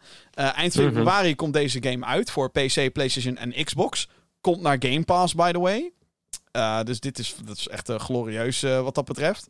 Ehm, ja, ik ben- heel erg benieuwd hiernaar in de, in de positieve zin. Want het ziet er zo ontzettend goed uit. Bonuspunten voor de soundtrack, wat mij betreft. Die wordt gecomponeerd. eh, Het wordt namelijk gecomponeerd door Mick Gordon. De man achter de soundtracks van Doom eh, 2016 en Doom Eternal. Nou, eh, die vent heeft ook nogal wat te verduren gehad de afgelopen paar jaar met de ontwikkeling van Doom Eternal. Als we zijn verhaal moeten geloven. Ehm, maar heeft alsnog subliem werk afgeleverd. En wat er tot nu toe ook te horen is geweest van Atomic Heart. Is dat ook. eh, oef, dat laat de adrenaline pompen als de, als de actie eenmaal er is. Ehm, en ja, voor de rest gewoon een, een, een parel om naar te kijken. In ieder geval in trailervorm. Ehm, en, en nu benieuwd, uiteraard, of het qua feeling ook het kan nelen. Maar zo ziet Ja, het er en of het, laat me zeggen, niet alleen maar mooie beelden zijn, terwijl de game zelf, eh, hè, ik ga niet weer refereren naar een game die dat bij mij geflikt heeft. Maar eh, ja, gewoon dat het, ja, misschien. Maar dat het daadwerkelijk is wat ze hier laten zien. Want dan, dan hebben ze echt een goeie. Ja, ja, ja, we, ja, ik ben dan wel iemand die in de goodwill wil geloven van, eh, Ja hoor, zeker, zeker. van maar ik ben wel tegenwoordig van, ik ga niet pre-orderen. Ik wacht gewoon lekker, ik ga het zien. ja, en als ik een Game Pass heb, hey, dan hoef ik sowieso niet te pre-orderen. Als het geen collector's edition is, dan is pre-orderen wat mij, be- mij betreft doe ik ook niet meer. Nee. En ook met Collector's Edition ben ik denk ik een beetje huiverig geworden. Nou ja, nee, ik ook hoor, want ze worden steeds duurder en er zit steeds minder in. En ik snap het, we zitten in een gekke economische situatie ook, maar ja, het is een beetje gek. Ja. Eh, Jeroen, jouw nummer 6, wat je moet spelen in 2023. Intig, intig, intig. Warhammer 40k Space Marine 2. Hey. En weet je wat voor mij daar de reden is? Is dat ik heb eens eh, eerder iets met Warhammer gespeeld, maar nooit echt iets van 40k. Maar ik heb de laatste tijd video's van gezien. eh, allemaal dingen om die wereld heen. En ik heb echt zo van, er moet gewoon even echt, echt een goede lauwe game komen over de Space Marines. En er zijn natuurlijk wel lauwe games al, maar die zijn toen ik mee eh, met de franchise een beetje in aanraking kwam, wel weer wat verouderd. Of was ik druk met andere games bezig. En toen kwam dit, dacht ik, ja, dit gaat hem wel worden. Dit is wel echt een type Jeroen game. Lekker zagen, hakken, schieten. Lekkere actie. Dat ik denk van ja, hier, eh, hier kan ik echt van genieten. Dit, eh, dit ziet er goed uit. En ik vind gewoon die lore eromheen vind ik heel vet. Ja. Ja, ik, ehm, ik zal ook meteen commentaar hierop geven, want eh, die, deze game staat bij mij een plekje hoger. Dus dichtbij genoeg dat ik denk, ah prima. We kunnen het een, ik, kan- ik kan nu al mijn commentaar erop geven. Ehm, ik vond de eerste fucking vet. En ja, die eerste is inmiddels heel oud. Eh, het was een PS3, Xbox 360 game. Eh, en ik vind het in die zin ook wel vet dat ze dit gewoon 2 noemen. Want je zou heel makkelijk kunnen zeggen: oh, Warhammer 40k Space Marine 2023. Weet je wel, gewoon de nieuwe. Ehm, maar nee, ze noemen het 2. En van wat ik heb gezien is dat de actie heel goed aansluit bij de eerste. Wat ook gewoon. Het was, die actie was zo lekker, jongen. Ik heb, ik heb niks met. Eh, ik zeg niet dat ik de lore niet leuk vind of wat dan ook. Maar ik wist niks van Warhammer voordat ik Space Marine 1 speelde. Eh, ik, ik, wist natuurlijk wel dat het van die poppetjes zijn. En dat 40k de science fiction versie is. En dat je nog een fantasy hebt. En die heet dan normaal Warhammer. En dat de Space Marines deze grote motherfuckers zijn. Die eh soort van als, als, als goden aanbeden worden voor de normale soldaten. En de game maakt, die- de eerste althans. En Het lijkt erop dat deze tweede dat ook doet. Maar de eerste game maakte die fantasie soort van waar. Want je had een zwaard met een, met een zaag eromheen. En dan, en dan pakte hij zo'n shotgun op. En dan kwamen die orks op je afgestormd. Met, met, met, met tientallen. Uh, wat voor PS3 en Xbox 360 heel indrukwekkend was. En ja, dat, dat, dat, dat, dat, kwam er dan dat kwam er op je af. En die had je helemaal neergemaaid. En dan kwam weer een nieuwe challenge en een nieuw level. Het was een hele vette game. Het is er eentje die ik eigenlijk, als ik er nu zo ook over praat, denk ik, oh, ik moet die eerste echt wel gewoon nog een keer spelen. Maar goed, waar ga ik die tijd vandaan halen? Maar hij staat op Steam. Hopelijk werkt hij ook gewoon op Windows 10, 11. Um, ja, dit, is fantastisch. En, en, en we hebben een paar korte gameplay snippets gezien. En die ziet, ziet gewoon vet uit. Weet je wel? Het is niet de mooiste game. Totaal niet revolutionair. Fuck dat allemaal. Het is gewoon Space Marine actie. Let's go. Let's go. Maak ze kapot.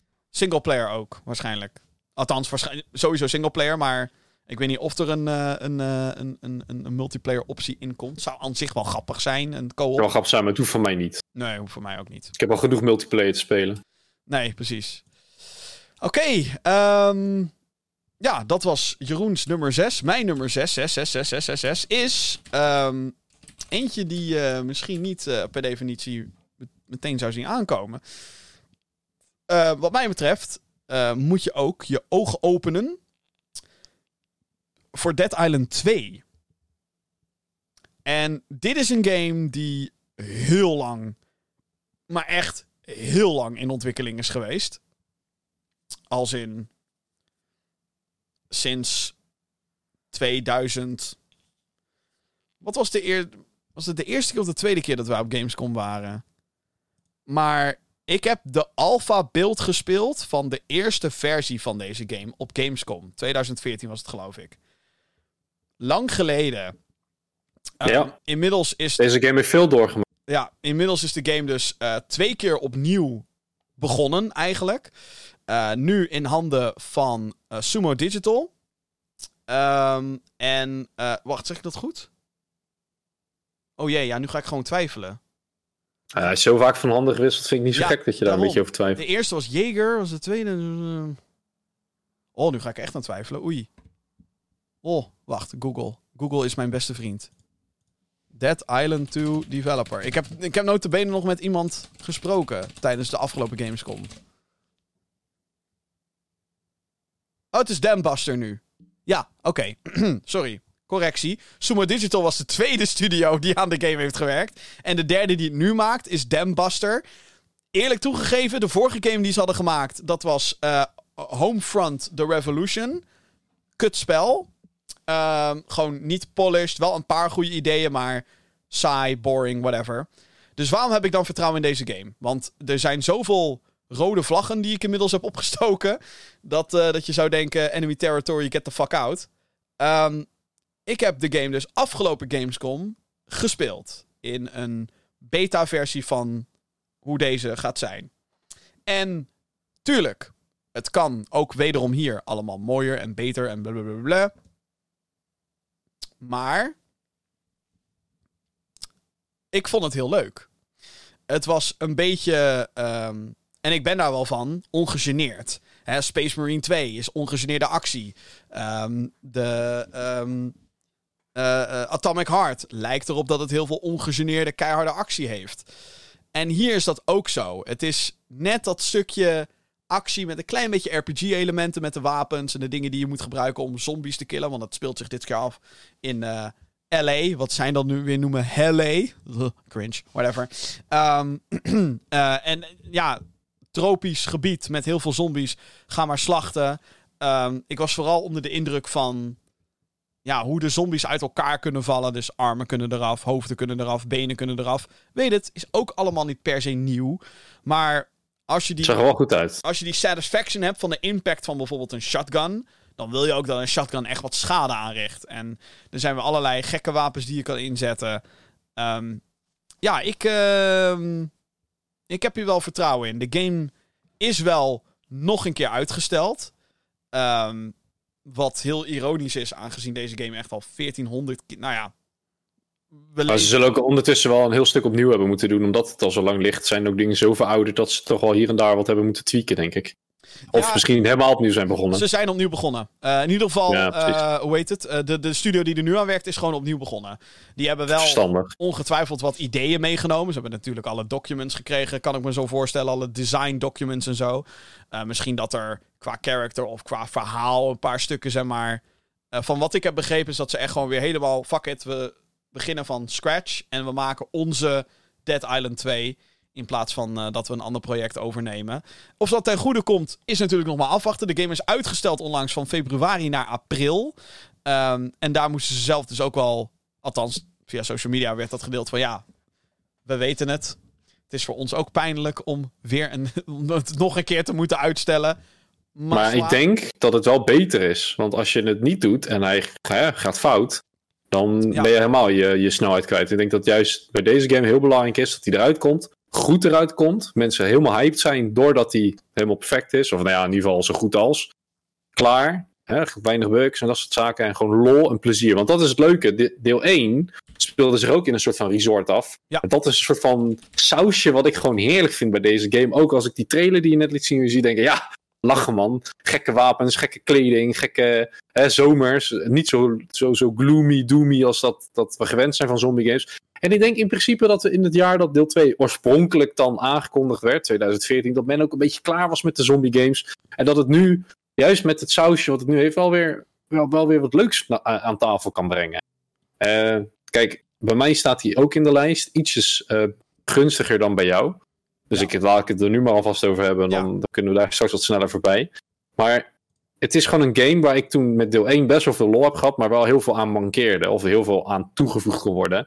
En zeker nu er voor de zoveelste keer opnieuw aan begonnen is. Tuurlijk moet er wat huis zijn. Maar ik ga, ik ga sowieso heel veel plezier met vrienden met deze game eh, beleven. Eh, ik weet zeker dat jij en ik lekker gaan zitten schelden in deze game. En gaan lachen in deze game. Hoe goor en, en hoe bizar het allemaal is. Ja, ja want eh co-op eh, zit er ook weer bij. En, eh, Dat- als dat niet zou zijn, dan eh, kunnen ze het nog een keer uitstellen. Oh wel, ja, ik weet... Ik ga, ik ga er even blind van uit eigenlijk. Ik weet niet Tuurlijk, tuurlijk. zeker. Moet wel. Ja, dat is, dat singleplayer. hoort er gewoon bij. Singleplayer multiplayer, ja, ja, ja, ja, ja, ja, ja, ja, ja, ja, ja, ja, ja, ja. Ja, dus ehm, eh, wat mij betreft heel positief hierover. De, we zetten hem op de lijst. Wat moet je spelen in 2023?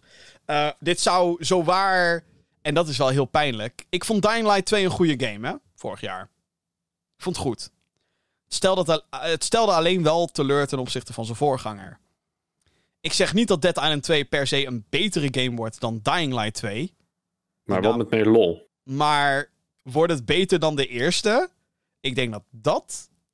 Ik zeg niet een zekerheidje is. Dead Island 1 is inmiddels ook best wel lang geleden natuurlijk. Dus ook heel eerlijk is dat niet. Maar alsnog. ehm, ja, ik, eh, ik heb hier zin in. Eh, 28 april is de nieuwe datum. Dan komt Dead Island 2 dus uit voor PlayStation 4, PlayStation 5, PC, Xbox One en Xbox Series X en S.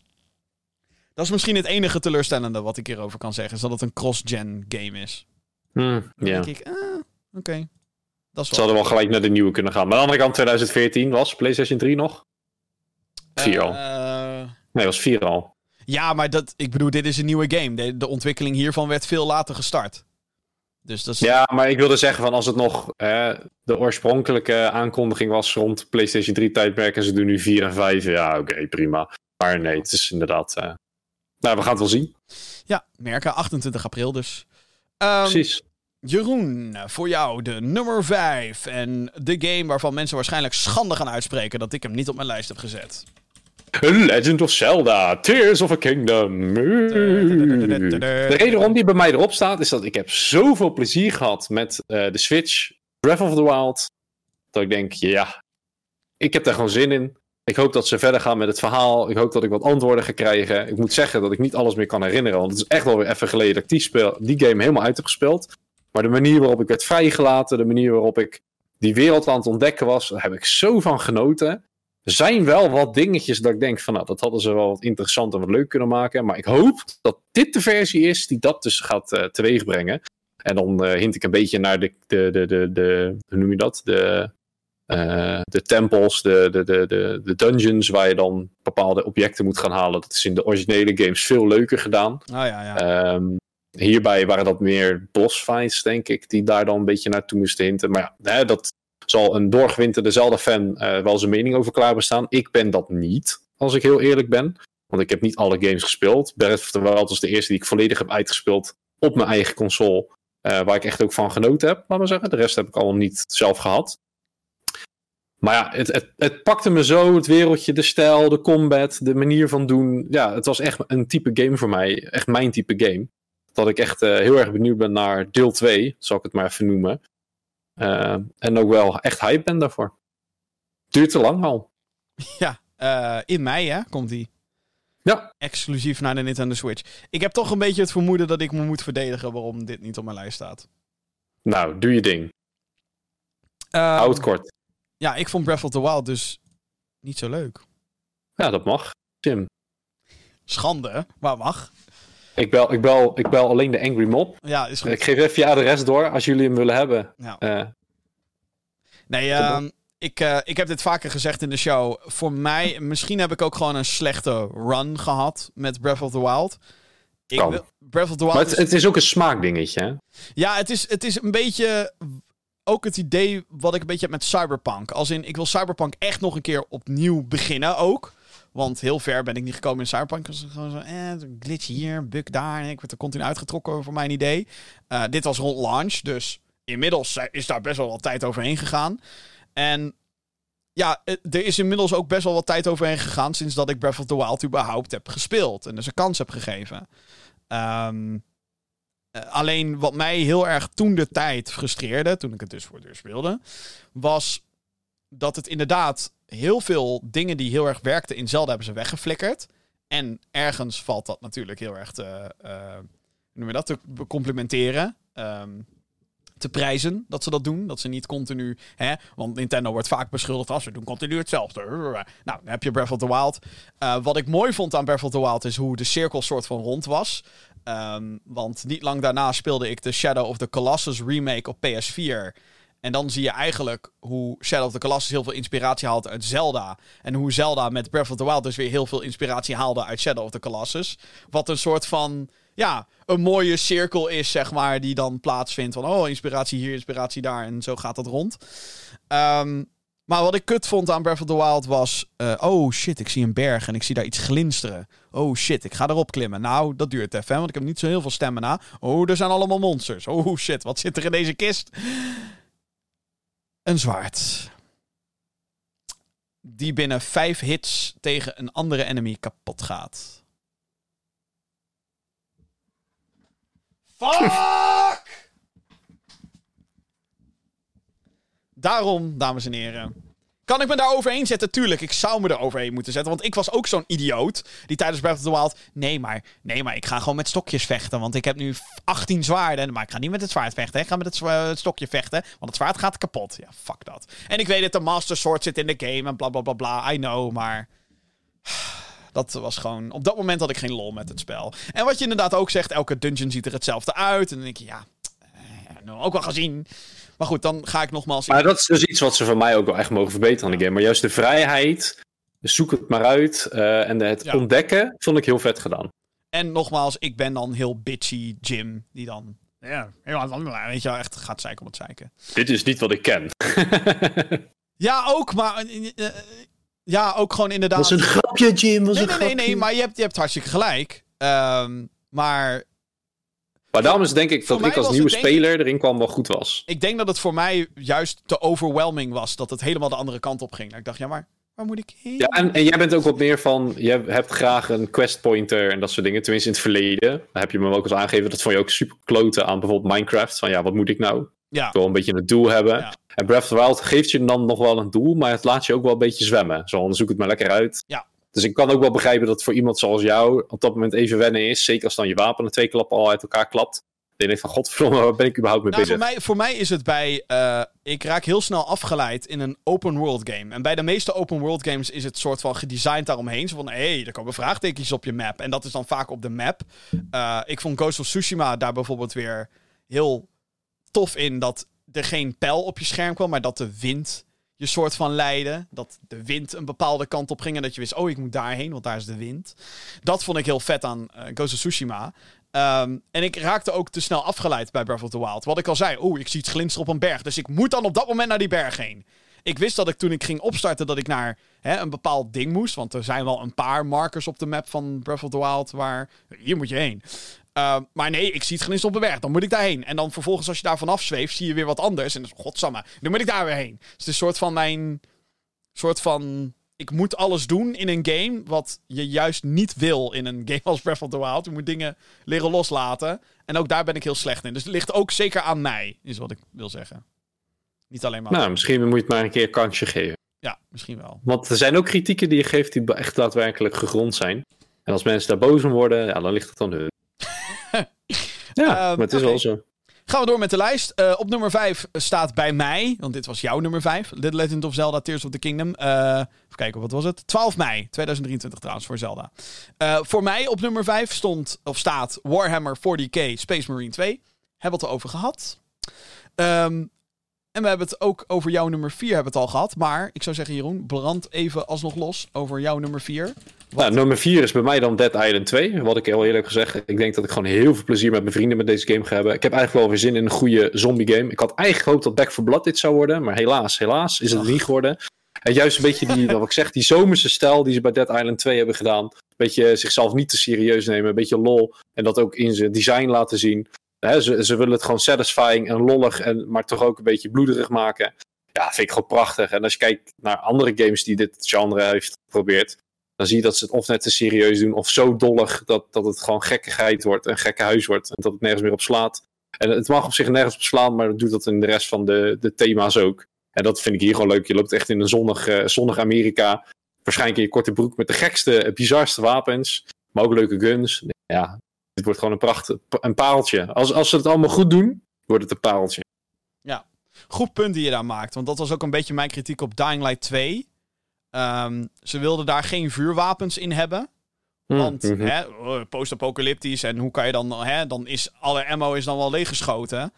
En goed punt. Maar ze hadden daar niks voor teruggezet. Dus de wapens, de vuurwapens verdwenen. En ja, met die vuurwapens werd Dead, Dying Light 1, sorry, wel een beetje triviaal qua moeilijkheid. Maar whatever. Um, maar de, ja, er werd niet echt iets voor terug.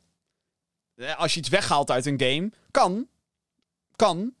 Doe dan kruisbogen of zo. Ja. Maar dan, ja, inderdaad, kruisbogen of... of Pijlenbogen. Maar goed, dan ga, ga ik het weer over Dying Light 2 hebben. Dat is ook weer een hele... Nee, maar dat, dat is wel zo. En op zich, uh, verhaaltechnisch kan je zo'n zo'n keuze maken. Maar dan is het juist nog vetter als je dus wel opeens een gun vindt met ammo. Al is het beperkt. En, en wat ik bij deze game leuk vind, het is niet beperkt. Hè? America, America is about the guns. Dus dat ze dan daar fucking vette guns hebben. Misschien iets meer beperkt dan wat je normaal zou vinden. Maar ik vind dat wel... Uh, nou, ik, ik, ik krijg gewoon wel een goed gevoel bij als ik zo zie. Denk ja, hier heb ik zin in. Dit wordt leuk met vrienden. Dit wordt leuk uh, ook alleen, denk ik. En een leuke manier om, om weer een zombie game te spelen. Ik heb een uh, interview gehouden met de uh, narrative director van de game. kan je checken via youtube.com slash gaminggeeksnel. Want op Gamescom mocht ik met haar spreken over, nou ja, over de narrative. En hoe, dat, hoe het dan is om voor zo'n game dan nog te schrijven. Ook omdat ze al de derde studio zijn die het al hebben gedaan, et cetera, et cetera. En daar had zij uh, mooie, wel hele PR gestuurde antwoorden op. Maar goed, uh, je weet wat je kan verwachten als je developers op een beurs gaat interviewen. Dus uh, ik, mij hoor je niet klagen wat dat betreft. En ik vond het een leuk gesprek verder. Maar dat moet je dan voor jezelf maar oordelen. Mijn lijst uh, op nummer 4, want daar zijn we inmiddels. Uh, nummer 4 staat voor Jeroen dus Dead Island 2. En voor mij uh, een daadwerkelijke nummer 4 op nummer 4. Maar wel de tweede van de nummer 4. Resident Evil 4 Remake. ik ben sowieso heel erg van die Resident Evil 4 game geweest. Ik kan me oh. nog heel goed herinneren toen die game er was, hoe jij daarover ging. Het is zo goed. Ja, ik speelde het voor het eerst op de PS2. Uh, GameCube was het oorspronkelijke platform waar Resident Evil 4 op uitkwam. En het is een game die Resident Evil wel weer heel populair maakte, maar wel ook meteen een klein beetje de afgrond in liet storten. Want Resident Evil 4 was op dat moment, het origineel, um, de meest actievolle Resident Evil. Als in schieten was speelde een stuk grotere rol. Het was niet meer zozeer een horror, maar meer een actie-thriller nu. En dat was voor 4 niet erg. Want de manier hoe dat eh, zo goed. Resident Evil 4 is zo goed, jongens. Echt zo vet. De spanning die het opbouwt en de muziek. En hoe die vijanden reageren als ze door een kop geschoten worden en zo. Dat er dan soms ineens een parasiet uit kan springen. Ja, nasty en, en vet. Ehm, met, met soms wat Japanese awkward humor ertussen. Where's everybody going? Bingo night. Echt, is een van de meest bekendste zinnen uit die hele game. In het begin is dat.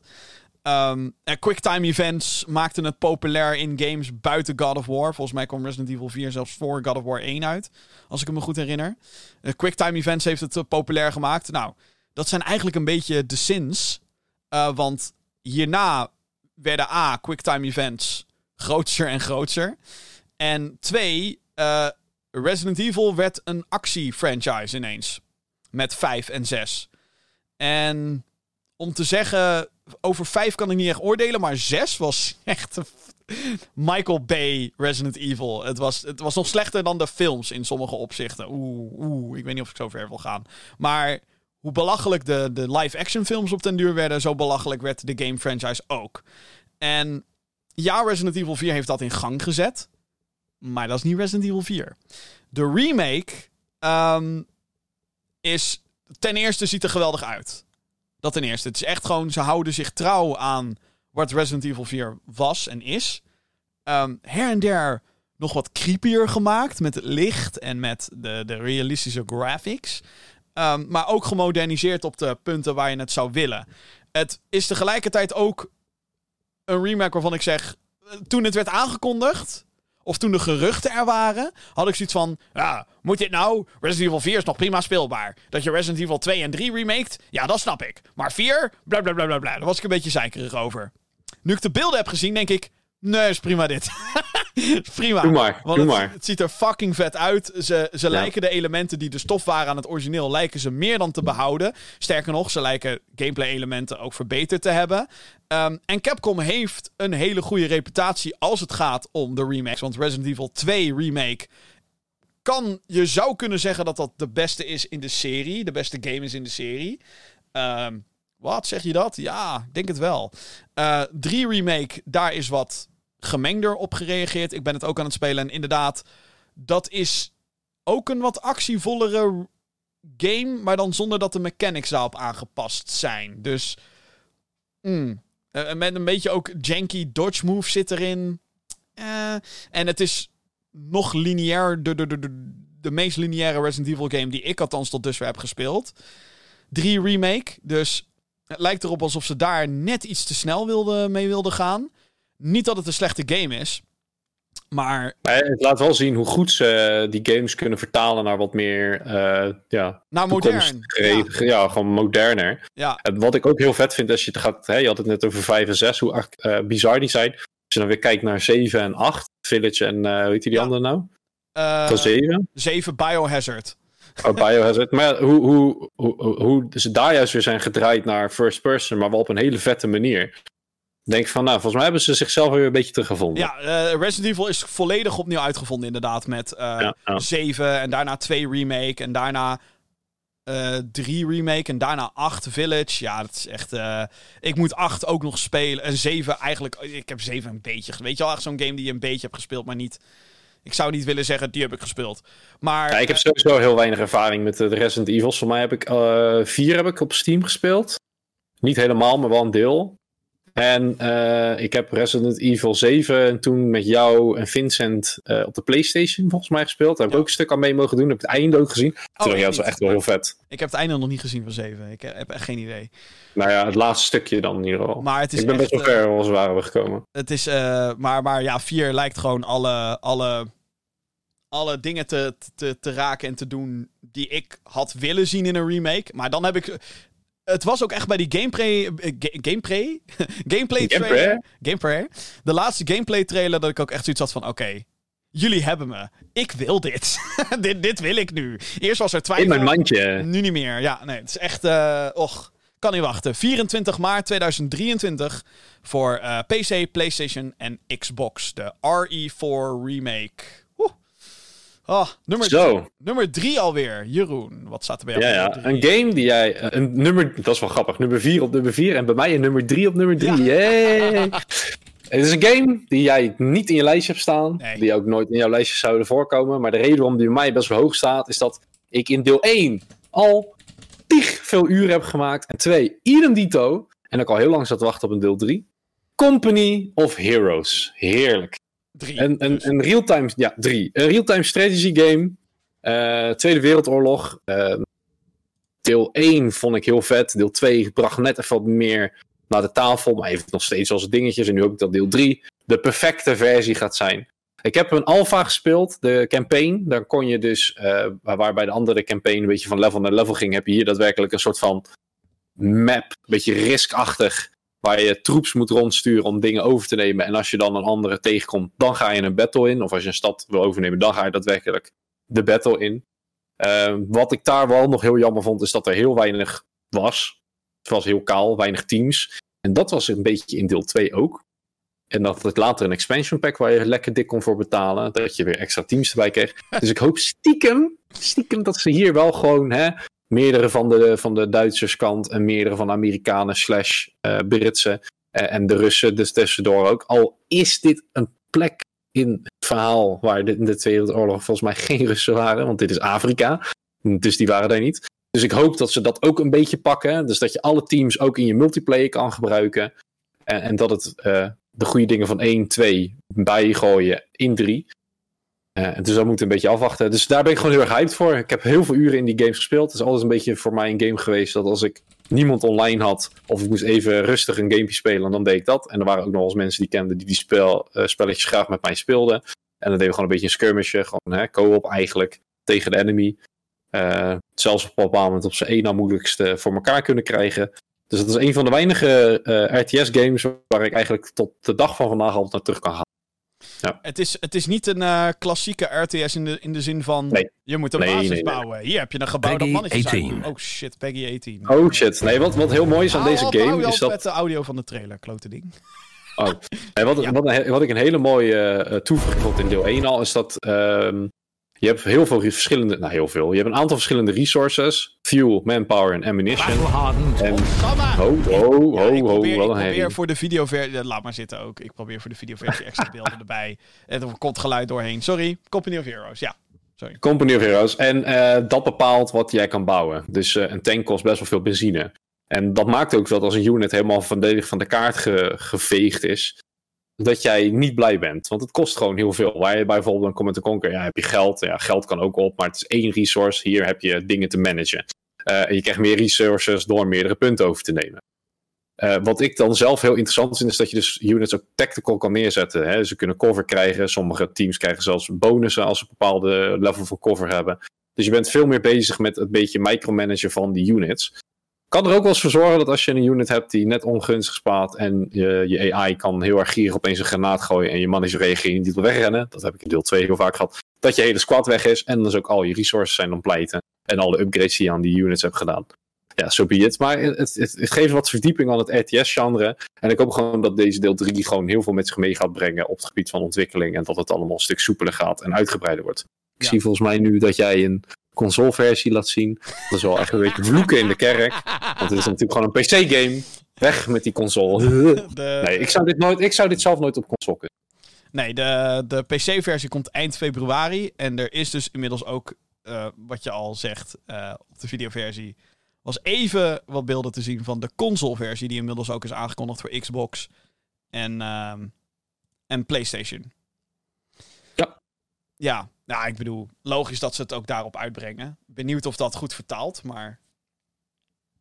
Dat is nog maar de vraag. Precies.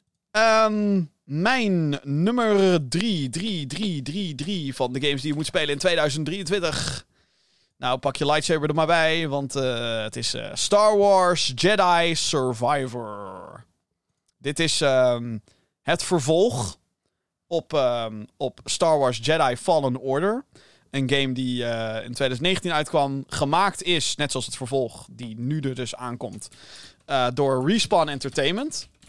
Huh? De makers van Titanfall en van Apex Legends. Ja, die hebben dus ook een, een apart team die aan deze singleplayer Star Wars games werken. En dat was een fantastische game, Fallen Order. Eh, het was exact wat Star Wars nodig heeft en had als franchise, als algeheel. Het was een leuke game die, ja, eh, leuk was om te spelen en her en der een beetje knipoogde naar Dark Souls als het gaat om bepaalde elementen. Niet zo moeilijk als Dark Souls, veel toegankelijker dan Dark Souls, godzijdank. Maar net die elementen uh, mee probeerde te nemen. Um, er wordt vaak geparodieerd dat IGN ooit heeft gezegd: This game makes you feel like Batman. Star Wars Jedi Fallen Order made you feel like you're a Jedi. En dat was heel vet. En daarnaast de hele, het hele verhaal in de algehele Star Wars universe was zo goed gedaan. Zo fucking goed. Um, de planeten, de, de, de nieuwe characters die hierin zitten. Want ja, de cameo's waren schattig. Maar um, de, de nieuwe characters waren juist degene waar je het meeste tijd mee wilde spenderen. En daar krijgen we nu meer tijd mee, dus jee. Um, en ja, de abilities, de, de graphics wederom. Dit is een current gen only game. Dus geen PS4 of Xbox One shenanigans. Nee, current gen only. Het verhaal wordt voortgezet. Het, een van de beste Star Wars verhalen in, sinds dat Disney de boel heeft overgenomen, durf ik wel te stellen. En ja, ik weet het. Endor is ook fantastisch. Ik moet Endor nog zien. Ik ook. Maar dit ziet er zo ontzettend goed uit. En um, Fallen Order was fantastisch. En dit breidt erop uit. Dus let's fucking go. zo vet. Dit is, dit is waarom... Uh, dit is... Hoe cynisch... Ik ben heel cynisch. Joh. En de films die Disney heeft gemaakt... hebben de boede niet bepaald beter op gemaakt. Hè, als het gaat om Star Wars. Um, The Book of Boba Fett, die ene serie heeft het er ook niet echt bepaald beter op gemaakt. Uh, maar dan zie ik dingen als dit, als Jedi Survivor. En speel ik dingen als Jedi Fallen Order. En dan word ik gewoon een heel blij mannetje. Uh, deze maand trouwens, nu we het er toch over hebben, is Jedi Fallen Order ook een PlayStation Plus Essential titel. Dus mocht je om wat voor reden dan ook die game nog niet gespeeld hebben. Ook als je geen Star Wars fan bent, by the way. Och, het is zo goed. En gewoon tot in de details ook. Hè? De details in het design en waar het verhaal zich plaatsvindt. En de muziek ook. Uh, wat ik heel knap vond van de eerste game. Is dat het heel veel zijn eigen thema's had. Dus het was niet de hele tijd. Want ja, dat is een fantastische soundtrack. Dat weten we inmiddels wel. Maar dat hielden ze juist heel erg terug. En gebruikten dat alleen maar op de momenten waarop het voor het verhaal.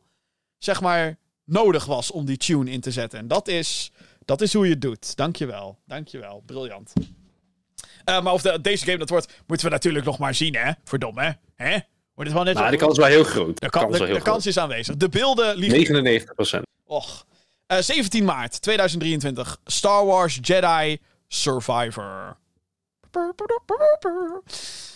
Jeroen, jouw nummer 2, 2, 2, 2, 2, 2, 2, 2. Nou, een game waar we het ook al even over gehad hebben. Bij mij is dat Atomic Heart. Um, voor mij is dat heel simpel. Ik ging zo lekker op de Bioshock games. En ik vind deze game er qua stijl en qua feeling er zo goed uitzien. Het past zo goed in mijn straatje dat ik denk van ja.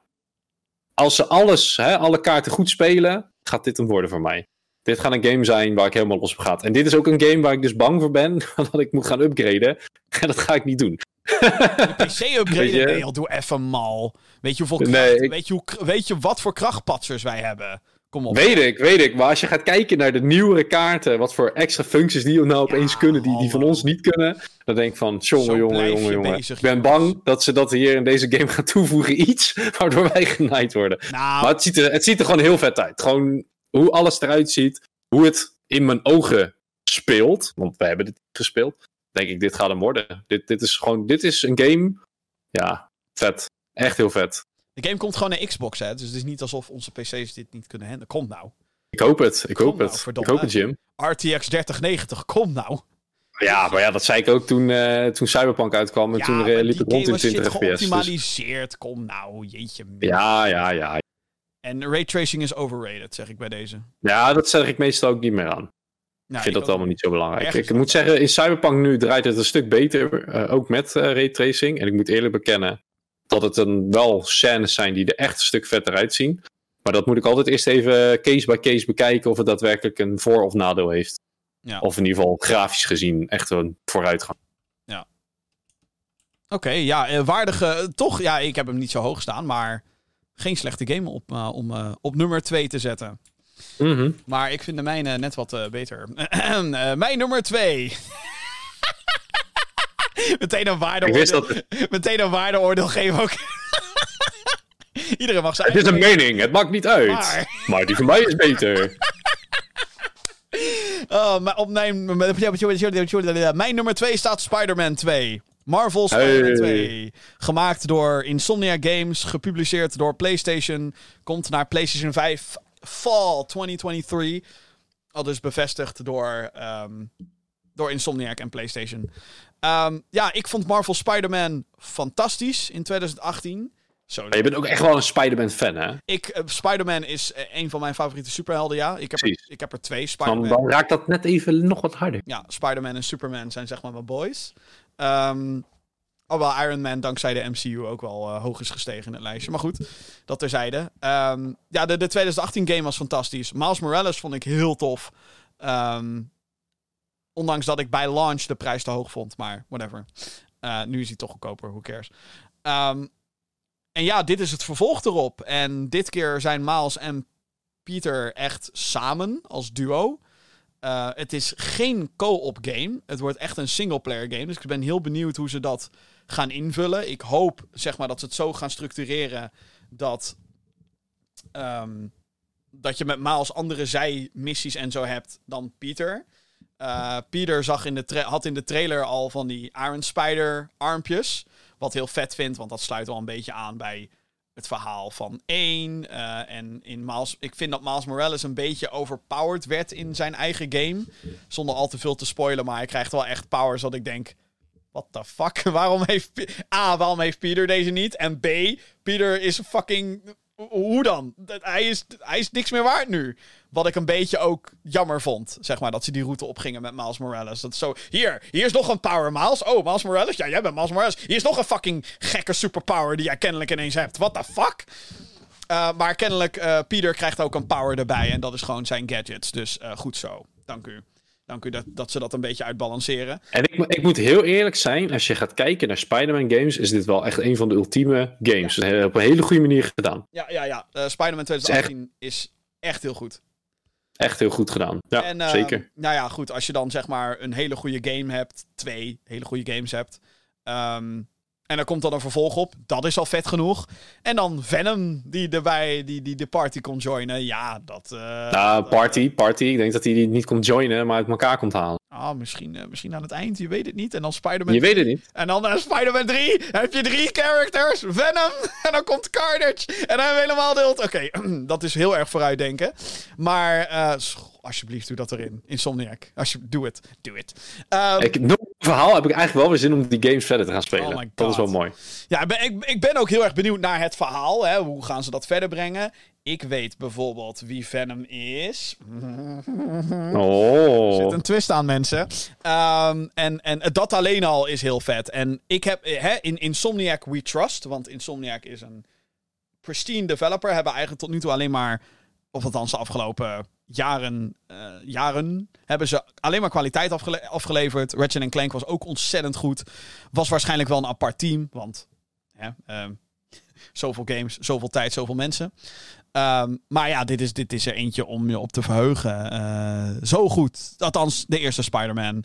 En laten we er dan van uitgaan dat twee nog leuker wordt met uh, New York. Ik ben wel benieuwd of ze daar wat leuks mee kunnen doen met het, het, het zijn van New York. Want dat blijft toch wel een beetje dezelfde setting weer. Ik weet niet of dat leuk is. In Miles Morales wisten ze het op zo'n manier te doen dat uh, die game speelt zich tijdens kerst af. Dus dingen waren met sneeuw en met kerstversieringen. Dus dan oogt het allemaal wat anders. Ben benieuwd hoe ze dat hier gaan doen. Um, of ze dat überhaupt gaan doen. Het maakt me eigenlijk geen reet uit, want ik ga dit spelen. Spider-Man 2, uh, eind 2023 voor PlayStation 5. Geen 4 versie. Wegwezen. Jeroen, jouw nummer 1, 1, 1, 1, 1. Star Wars Jedi Survivor. Hey! Ja. ja. Jim, daar staat hij. En weet je hoe dat nou komt? De originele game heb ik niet bij release gespeeld. Waarom? Ik dacht, ja, goddomme. Kut een game Wars. die fucking hè, Demon Souls, aka hè, zo'n moeilijke so uh, roguelike. Nee, dat, daar ga ik alleen maar mijn controle van uit elkaar trekken. En op aan dacht ik, ah, hij is niet zo heel duur nu. hij was nog steeds wel aan de prijs, maar een stuk goedkoper dan release. Ik denk, nou, gaan we eens even proberen. En het ging me verdomd goed. Ik ben een paar op moeilijker gaan spelen. één aan moeilijkste niveau. En ik heb, ja, ben vaak, heel vaak doodgegaan. Maar de, wat jij zei, eigenlijk wat jij zei, je hebt de woorden uit mijn mond gehaald. Het paste allemaal zo goed Sorry. en het was allemaal zo vet. En toen het afgelopen was, was ik zo, zo sad. en toen dus die nieuwe werd aangekondigd, ik had van, dit, dit gaat hem, deze, oh, deze game. Dit was de deze game. De deze game. Het is zeg Ik maar... ga hiervan genieten. En zeker als ik dan weer zie, hè, die robotjes die in stukken hakt. Een beetje de memberberries die erbij worden gegooid. Maar ook de nieuwe dingen die je nog niet gezien hebt. Ah, ah yes. Prachtig. Mooi. Dit is zeg maar ehm, ook wel de game waar. eh Dit is eigenlijk. Star Wars Squadrons was ook goed. Maar dit is de game die EA in het begin had moeten uitbrengen. Toen ze die exclusiviteitsdeal met Disney hadden getekend. Want ja, hè, dat je een Battlefront maakt, logisch. Hè? Battlefront, populair, gewoon een Battlefield, maar dan met Star Wars. Maar dit hadden ze zoveel eerder moeten doen. Want dat had EA in ieder geval heel veel eh, gezeik bespaard, denk ik. Maar Yep. ehm, ja, ik, eh, ik, ik zou bijna willen zeggen terecht de nummer 1. want het is, een, eh, het is een game om je op te vuigen. Zeker als je iets hebt met Star Wars. Of met science fiction überhaupt. Ehm, En verrassing, Jim, dat heb ik met beide gevallen. Star Wars Ja. en science En fiction. Nou, ja. What the fuck? Nee, het voelt bijna als de redemption van de franchise met eh, Ja. deze, dit soort games. Dus Disney, stop met fucking films maken wat mij betreft. Eh, meer dit soort projecten, AUB. En, oh, en Disney, zou ik toch ook nog wel willen zeggen. Alsjeblieft, acknowledge the games. Doe het. Doe het. Alsjeblieft. Ik weet nog heel goed dat ze tijdens een van die cons die hadden of zo, dat Disney een hele tijdlijn neer had gezet van dit is de hele Star Wars tijdlijn. En dan zag je hè, episode 1, 2, 3 en dan zag je al die zij shit, Clone Wars, bla bla bla, dat stond ertussen. En, en Mandalorian hè, tussen 6 en 7 en eh, Boba Fett en zo. En O- Obi-Wan, die Obi-Wan serie die toen nog eh, niet uit was. De Battlefront 2 campaign stond ertussen. Maar Jedi Fallen Order was nergens te bekennen in die tijdlijn. Fuck you Disney daarvoor. Acknowledge deze shit. En acknowledge alsjeblieft dat dit is wat Star Wars zou moeten zijn. De hele... En wat heel vet is, is dat het een keer losstaat van hè, de Skywalkers, et cetera. Dat het een heel losstaand verhaal is, vond ik gewoon heel vet. Ja, er zijn er en der wat knipoogjes. Ja, tuurlijk. De payoff ook, och, dat einde. dat in die laatste. Ja, ja, ja, ja, ja. Niks Eh, zeggen, maar het was spoilen, heel vet. spoilen, maar holy shit, het is zo vet. Ja, eh, hele goeie. Mijn nummer 11111 is een game waar we het ook al over hebben gehad. Want eh, ja, dit is eentje die Jeroen al eh, veel lager op zijn lijst had staan. Eh, maar voor mij is dit de game dat als, hè, als ik nu één spel waarvan je zegt... als ik nu een game uit de tijd kon toveren... toveren. Ehm, en die zou je nu kunnen spelen. Al is het ja, nieuwsgierigheid. Ja, heel veel zin in. Hogwarts Legacy is voor mij de game die ik moet spelen in 2023. Alle andere negen ook. Star Wars, nou, hoe meer we erover praten, hoe meer ik er zin in heb ook. nu, Star Wars, let's go. Maar eh, Hogwarts Legacy, ehm, hier ligt heel veel druk op, zoals je al zei. De Wizarding World van J.K. Rowling zit op dit moment in een domper. De Fantastic Beasts films hebben niet gedaan wat ze hadden moeten doen. Ehm, de eerste vond ik persoonlijk nog wel leuk. De tweede en de derde. Waar de fuck gaat het überhaupt over? Ehm, het is het- ook geen financieel succes gebleken, die laatste film. Ehm, en dan is dit. En het is ook. Het is tegelijkertijd. Dit kan een, een, een wederopstanding zijn van deze franchise. En is tegelijkertijd een game waar, ik, waar we als Potter-fans. En nou ben ik niet zo'n diehard die alle boeken zeven keer heeft gelezen. Ik ben vooral van de films. Ehm, maar dit is zo'n game waar we jaren op hebben gewacht. Een open world game waarin je door Zwijnstein heen loopt. En fucking lessen volgt en monsters moet bestrijden met spreuken. Ik weet het, klinkt als het meest revolutionaire fucking idee voor een Harry Potter game ooit. Maar het is iets wat we gewoon nooit hebben gehad. De eerste... Ja, en natuurlijk ook de wereld omheen. Hè? Het is niet Ja. alleen uh, Nee, Zwijnstein. Hogwarts waar je doorheen loopt. Nee, zeker. Ja, nee, de, de eerste twee games op PlayStation 1, geloof ik, en eh, PC hadden stukken waarin je door stukjes van Zwijnstein heen kon lopen. wat vet was. Ik weet nog wel dat ik heel vaak naar de Dueling Club ging in Chamber of Secrets. Al die puntjes even opsparen. Maar dit is echt uh, gewoon. Ga overal heen. En um, het ziet er zo goed uit. Voor een game die ook naar last gen komt. Uh, die versie is wel uitgesteld. Die komt nu in april in plaats van februari. Waarin de, uh, dat is wanneer de PC, PlayStation 5 en Xbox Series versies uitkomen. Um, het is heel slim dat ze dit laten afspelen voor Potter, voor de boeken, voor de films. Voor Fantastic Beasts ook ruim. Dus daar hoef je je soort van niet aan te branden. Het is gewoon, je bent een leerling en je gaat shit stoppen. Je gaat activiteiten doen. Er is onlangs nog een gameplay showcase geweest waarmee ze met een bezem door bepaalde stukken heen gingen vliegen. Dus zwerkbal zit er inderdaad niet in, maar de bezems wel. Um, dus wie weet wat er nog kan komen in de vorm van DLC of whatever. Of een update of een vervolg. Dat zou ook wel leuk zijn. Um, maar dat bezemvliegen was vet. Uh, hoe de wereld eruit ziet. Inderdaad, om Zwijnstein heen. Ziet er uitgebreid uit. Um, er is een hele room of requirement die jij kan aanpassen. En waar je uh, Fantastic Beasts kan trainen. Doet het, gaat verdomme meer in de game over Fantastic Beasts dan drie fucking Fantastic Beasts films. Um, en, die, die, die zorgen dan ook weer voor ingrediënten van potions die je tijdens combat kan inzetten. Ja, dat zijn nou de dingen dat ik denk, yes, yes, yes, yes, yes, yes. Gewoon bezigheidstherapie, maar dan in Harry Potter. Let's fucking go. Heel benieuwd naar het algehele verhaal. Uh, maar het feit dat je als student van Zwijnstein er gewoon voor kan kiezen om Avada Kedavra in te zetten. Wat echt gewoon... Ja, de hele um, lugubere fantasie is van vele Potter-fans. Um, maar het is er wel eentje. Het kan in de game. Of in het, ik hoop ook stiekem dat het heel veel gevolgen heeft voor het verhaal. Dat mensen je echt gewoon vreemd aankijken als je die shit doet. Dat hoop ik dan. Um, maar dat is het ook wel een beetje. We hebben heel veel mooie beelden gezien, inderdaad. De marketing game is on point met deze games. Ze weten exact wat ze wel en wat ze niet moeten laten zien. Um, Behalve met de Collector's Edition. De Collector's Edition is in de. Oké, okay, ja, daar, goed punt. Uh, er, is een collector's, ja. er is een Collector's Edition van 350 euro. Waarin dan een boekje zit met een, met een toverstof en. Oh, toverstof, toverstok. En uh, die kan zweven, weet je wel, met van die magneetjes die erin ja, zitten. zweven met een echt een millimeter lang. Ja, maar het zweeft, hè, dus is het magie. Maar dat kost 350 euro. En dan krijg je dus de deluxe edition van de game. En dat boekje met dat stokje. En dat is het. Geen soundtrack, geen artbook. Geen, nee, krijgt de tering. Dat is het. Um, fuck dat. Ik ga niet aan de Collector's Edition, want... Uh... Maar de game zelf, ja, weet je, als ik nu ook weer die beelden zie, denk je, ja, het ziet er wel echt heel goed uit. Ja, dus, uh, het gaat ja, uiteindelijk ik, om de game. Ik ga er ook echt zeker wel, uh, ik, ga, ik ga die de game denk ik ook zeker wel spelen. En uh, zeker als uh, iemand hier in dit huis ook die game gaat spelen, denk ik dat ik het niet uh, met rust kan laten. En als ik jou er dan over hoor, dan denk ik dat ik op een moment denk van, nah, ik moet... Het is natuurlijk allemaal, hè, ik snap, de, er zit ook veel twijfel bij deze game. Ja. Want het is inderdaad, werkt het allemaal wel lekker? Is het allemaal wel zo leuk? Wat is inderdaad het algehele verhaal? Want ik heb geen idee. Ja, je bent een, zwijn, je bent een leerling in Zwijnstein. Ja, no shit. Oké. Okay. Maar, en dan?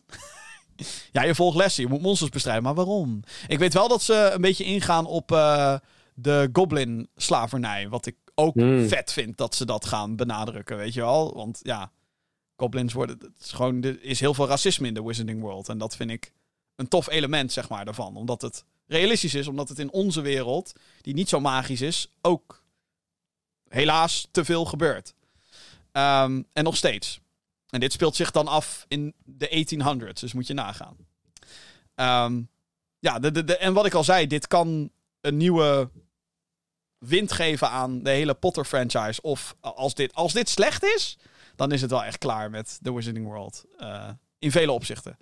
Maar als dit goed is en dit scoort als een mal, en laten we... Althans, ik hoop dat het goed is. Kijk, de J.K. Rowling, die hoeft voor de rest van haar leven niks meer te doen. Kan uit de neus peuteren en het zal wel. Uh, ik denk dat het beter is als ook ze niks meer doet. Hè? Uh, oh ja, ja, zeker. Nee, daar heb je ook hartstikke gelijk in, ja. Ja, ja. doe maar niks, niks meer twitteren. Niks meer schrijven ook. Al, als in boeken, prima. Als het los staat van Harry Potter. Maar geen Fantastic Beasts, movies of whatever meer schrijven. Niks meer doen, alsjeblieft. Laat het... Het is zijn eigen leven gaan leiden, JK. Laat het gaan, oké? Okay? Laat ons genieten van goede shit. Zoals hopelijk deze game. In februari naar PC, PlayStation 5 en Xbox Series S plus X. in april dus naar PS4 en Xbox One. En in juli pas naar Nintendo Switch. Dat is kut, maar het is kennelijk nodig. Ik ga het sowieso niet op Switch spelen, dus dat kan me echt mijn reet rusten. Nee, ja. Als je deze game op Switch gaat spelen, sorry hoor, maar dan... Sorry hoor, maar... Uh, godsamme. Ja, dat is dus uh, mijn nummer 1. Ja. Mooi, dus, Nog even, resume. Jeroens uh, top 10 is nummer 10 Stalker 2. Nummer 9 Diablo 4. Nummer 8 Marvel Spider-Man 2. Nummer 7 Hogwarts Legacy. Nummer 6 Warhammer 40k Space Marine 2. Nummer 5 The Legend of Zelda Tears of the Kingdom. Nummer 4 Dead Island 2. Nummer 3 Company of Heroes 3. Nummer 2 Atomic Heart. En nummer 1 Star Wars Jedi Survivor. En mijn lijstje is op nummer 10 ook Stalker 2, Heart of Chernobyl. Op nummer 9 The Plucky Squire. Op nummer 8 Diablo 4. Nummer 7 Atomic Heart. Nummer 6 Dead Island 2. Nummer 5 Warhammer 40k Space Marine 2. Nummer 4 Resident Evil 4 Remake. Nummer 3 Star Wars Jedi uh, Survivor. Ik wilde bijna Fallen Order zeggen, maar het is Survivor. Het is de nieuwe. Nummer 2 Marvel Spider-Man 2. En op nummer 1 dus Hogwarts Legacy. En daarmee zijn wij aan het einde gekomen van deze aflevering van de Gaming Geeks podcast. Maar niet voordat ik uh, deze vraag heb gesteld. Heb jij een vraag voor de oh, show? Jij een vraag. Mail naar podcast.gamergeeks.nl ja, ja. Uh, dan kan je dat dus doen. Uh, mailen naar podcast.gaminggeeks.nl als je vragen hebt uh, voor deze show over games of iets wat ermee te maken heeft. of als je suggestie hebt voor dit programma. Kan natuurlijk ook het programma wat je kan volgen via je favoriete podcastdienst. Zoals Google Podcast, Apple Podcast en Spotify. En de videoversie is te checken via youtube.com slash youtube.com slash gaminggeeks.nl YouTube, Gamergeeks. Abonneer. Leuke dingen. En ook een video op Spotify. Goed, dit was hem. De 204e aflevering van de Gaming Geeks podcast. Heel graag tot de volgende keer. Latte.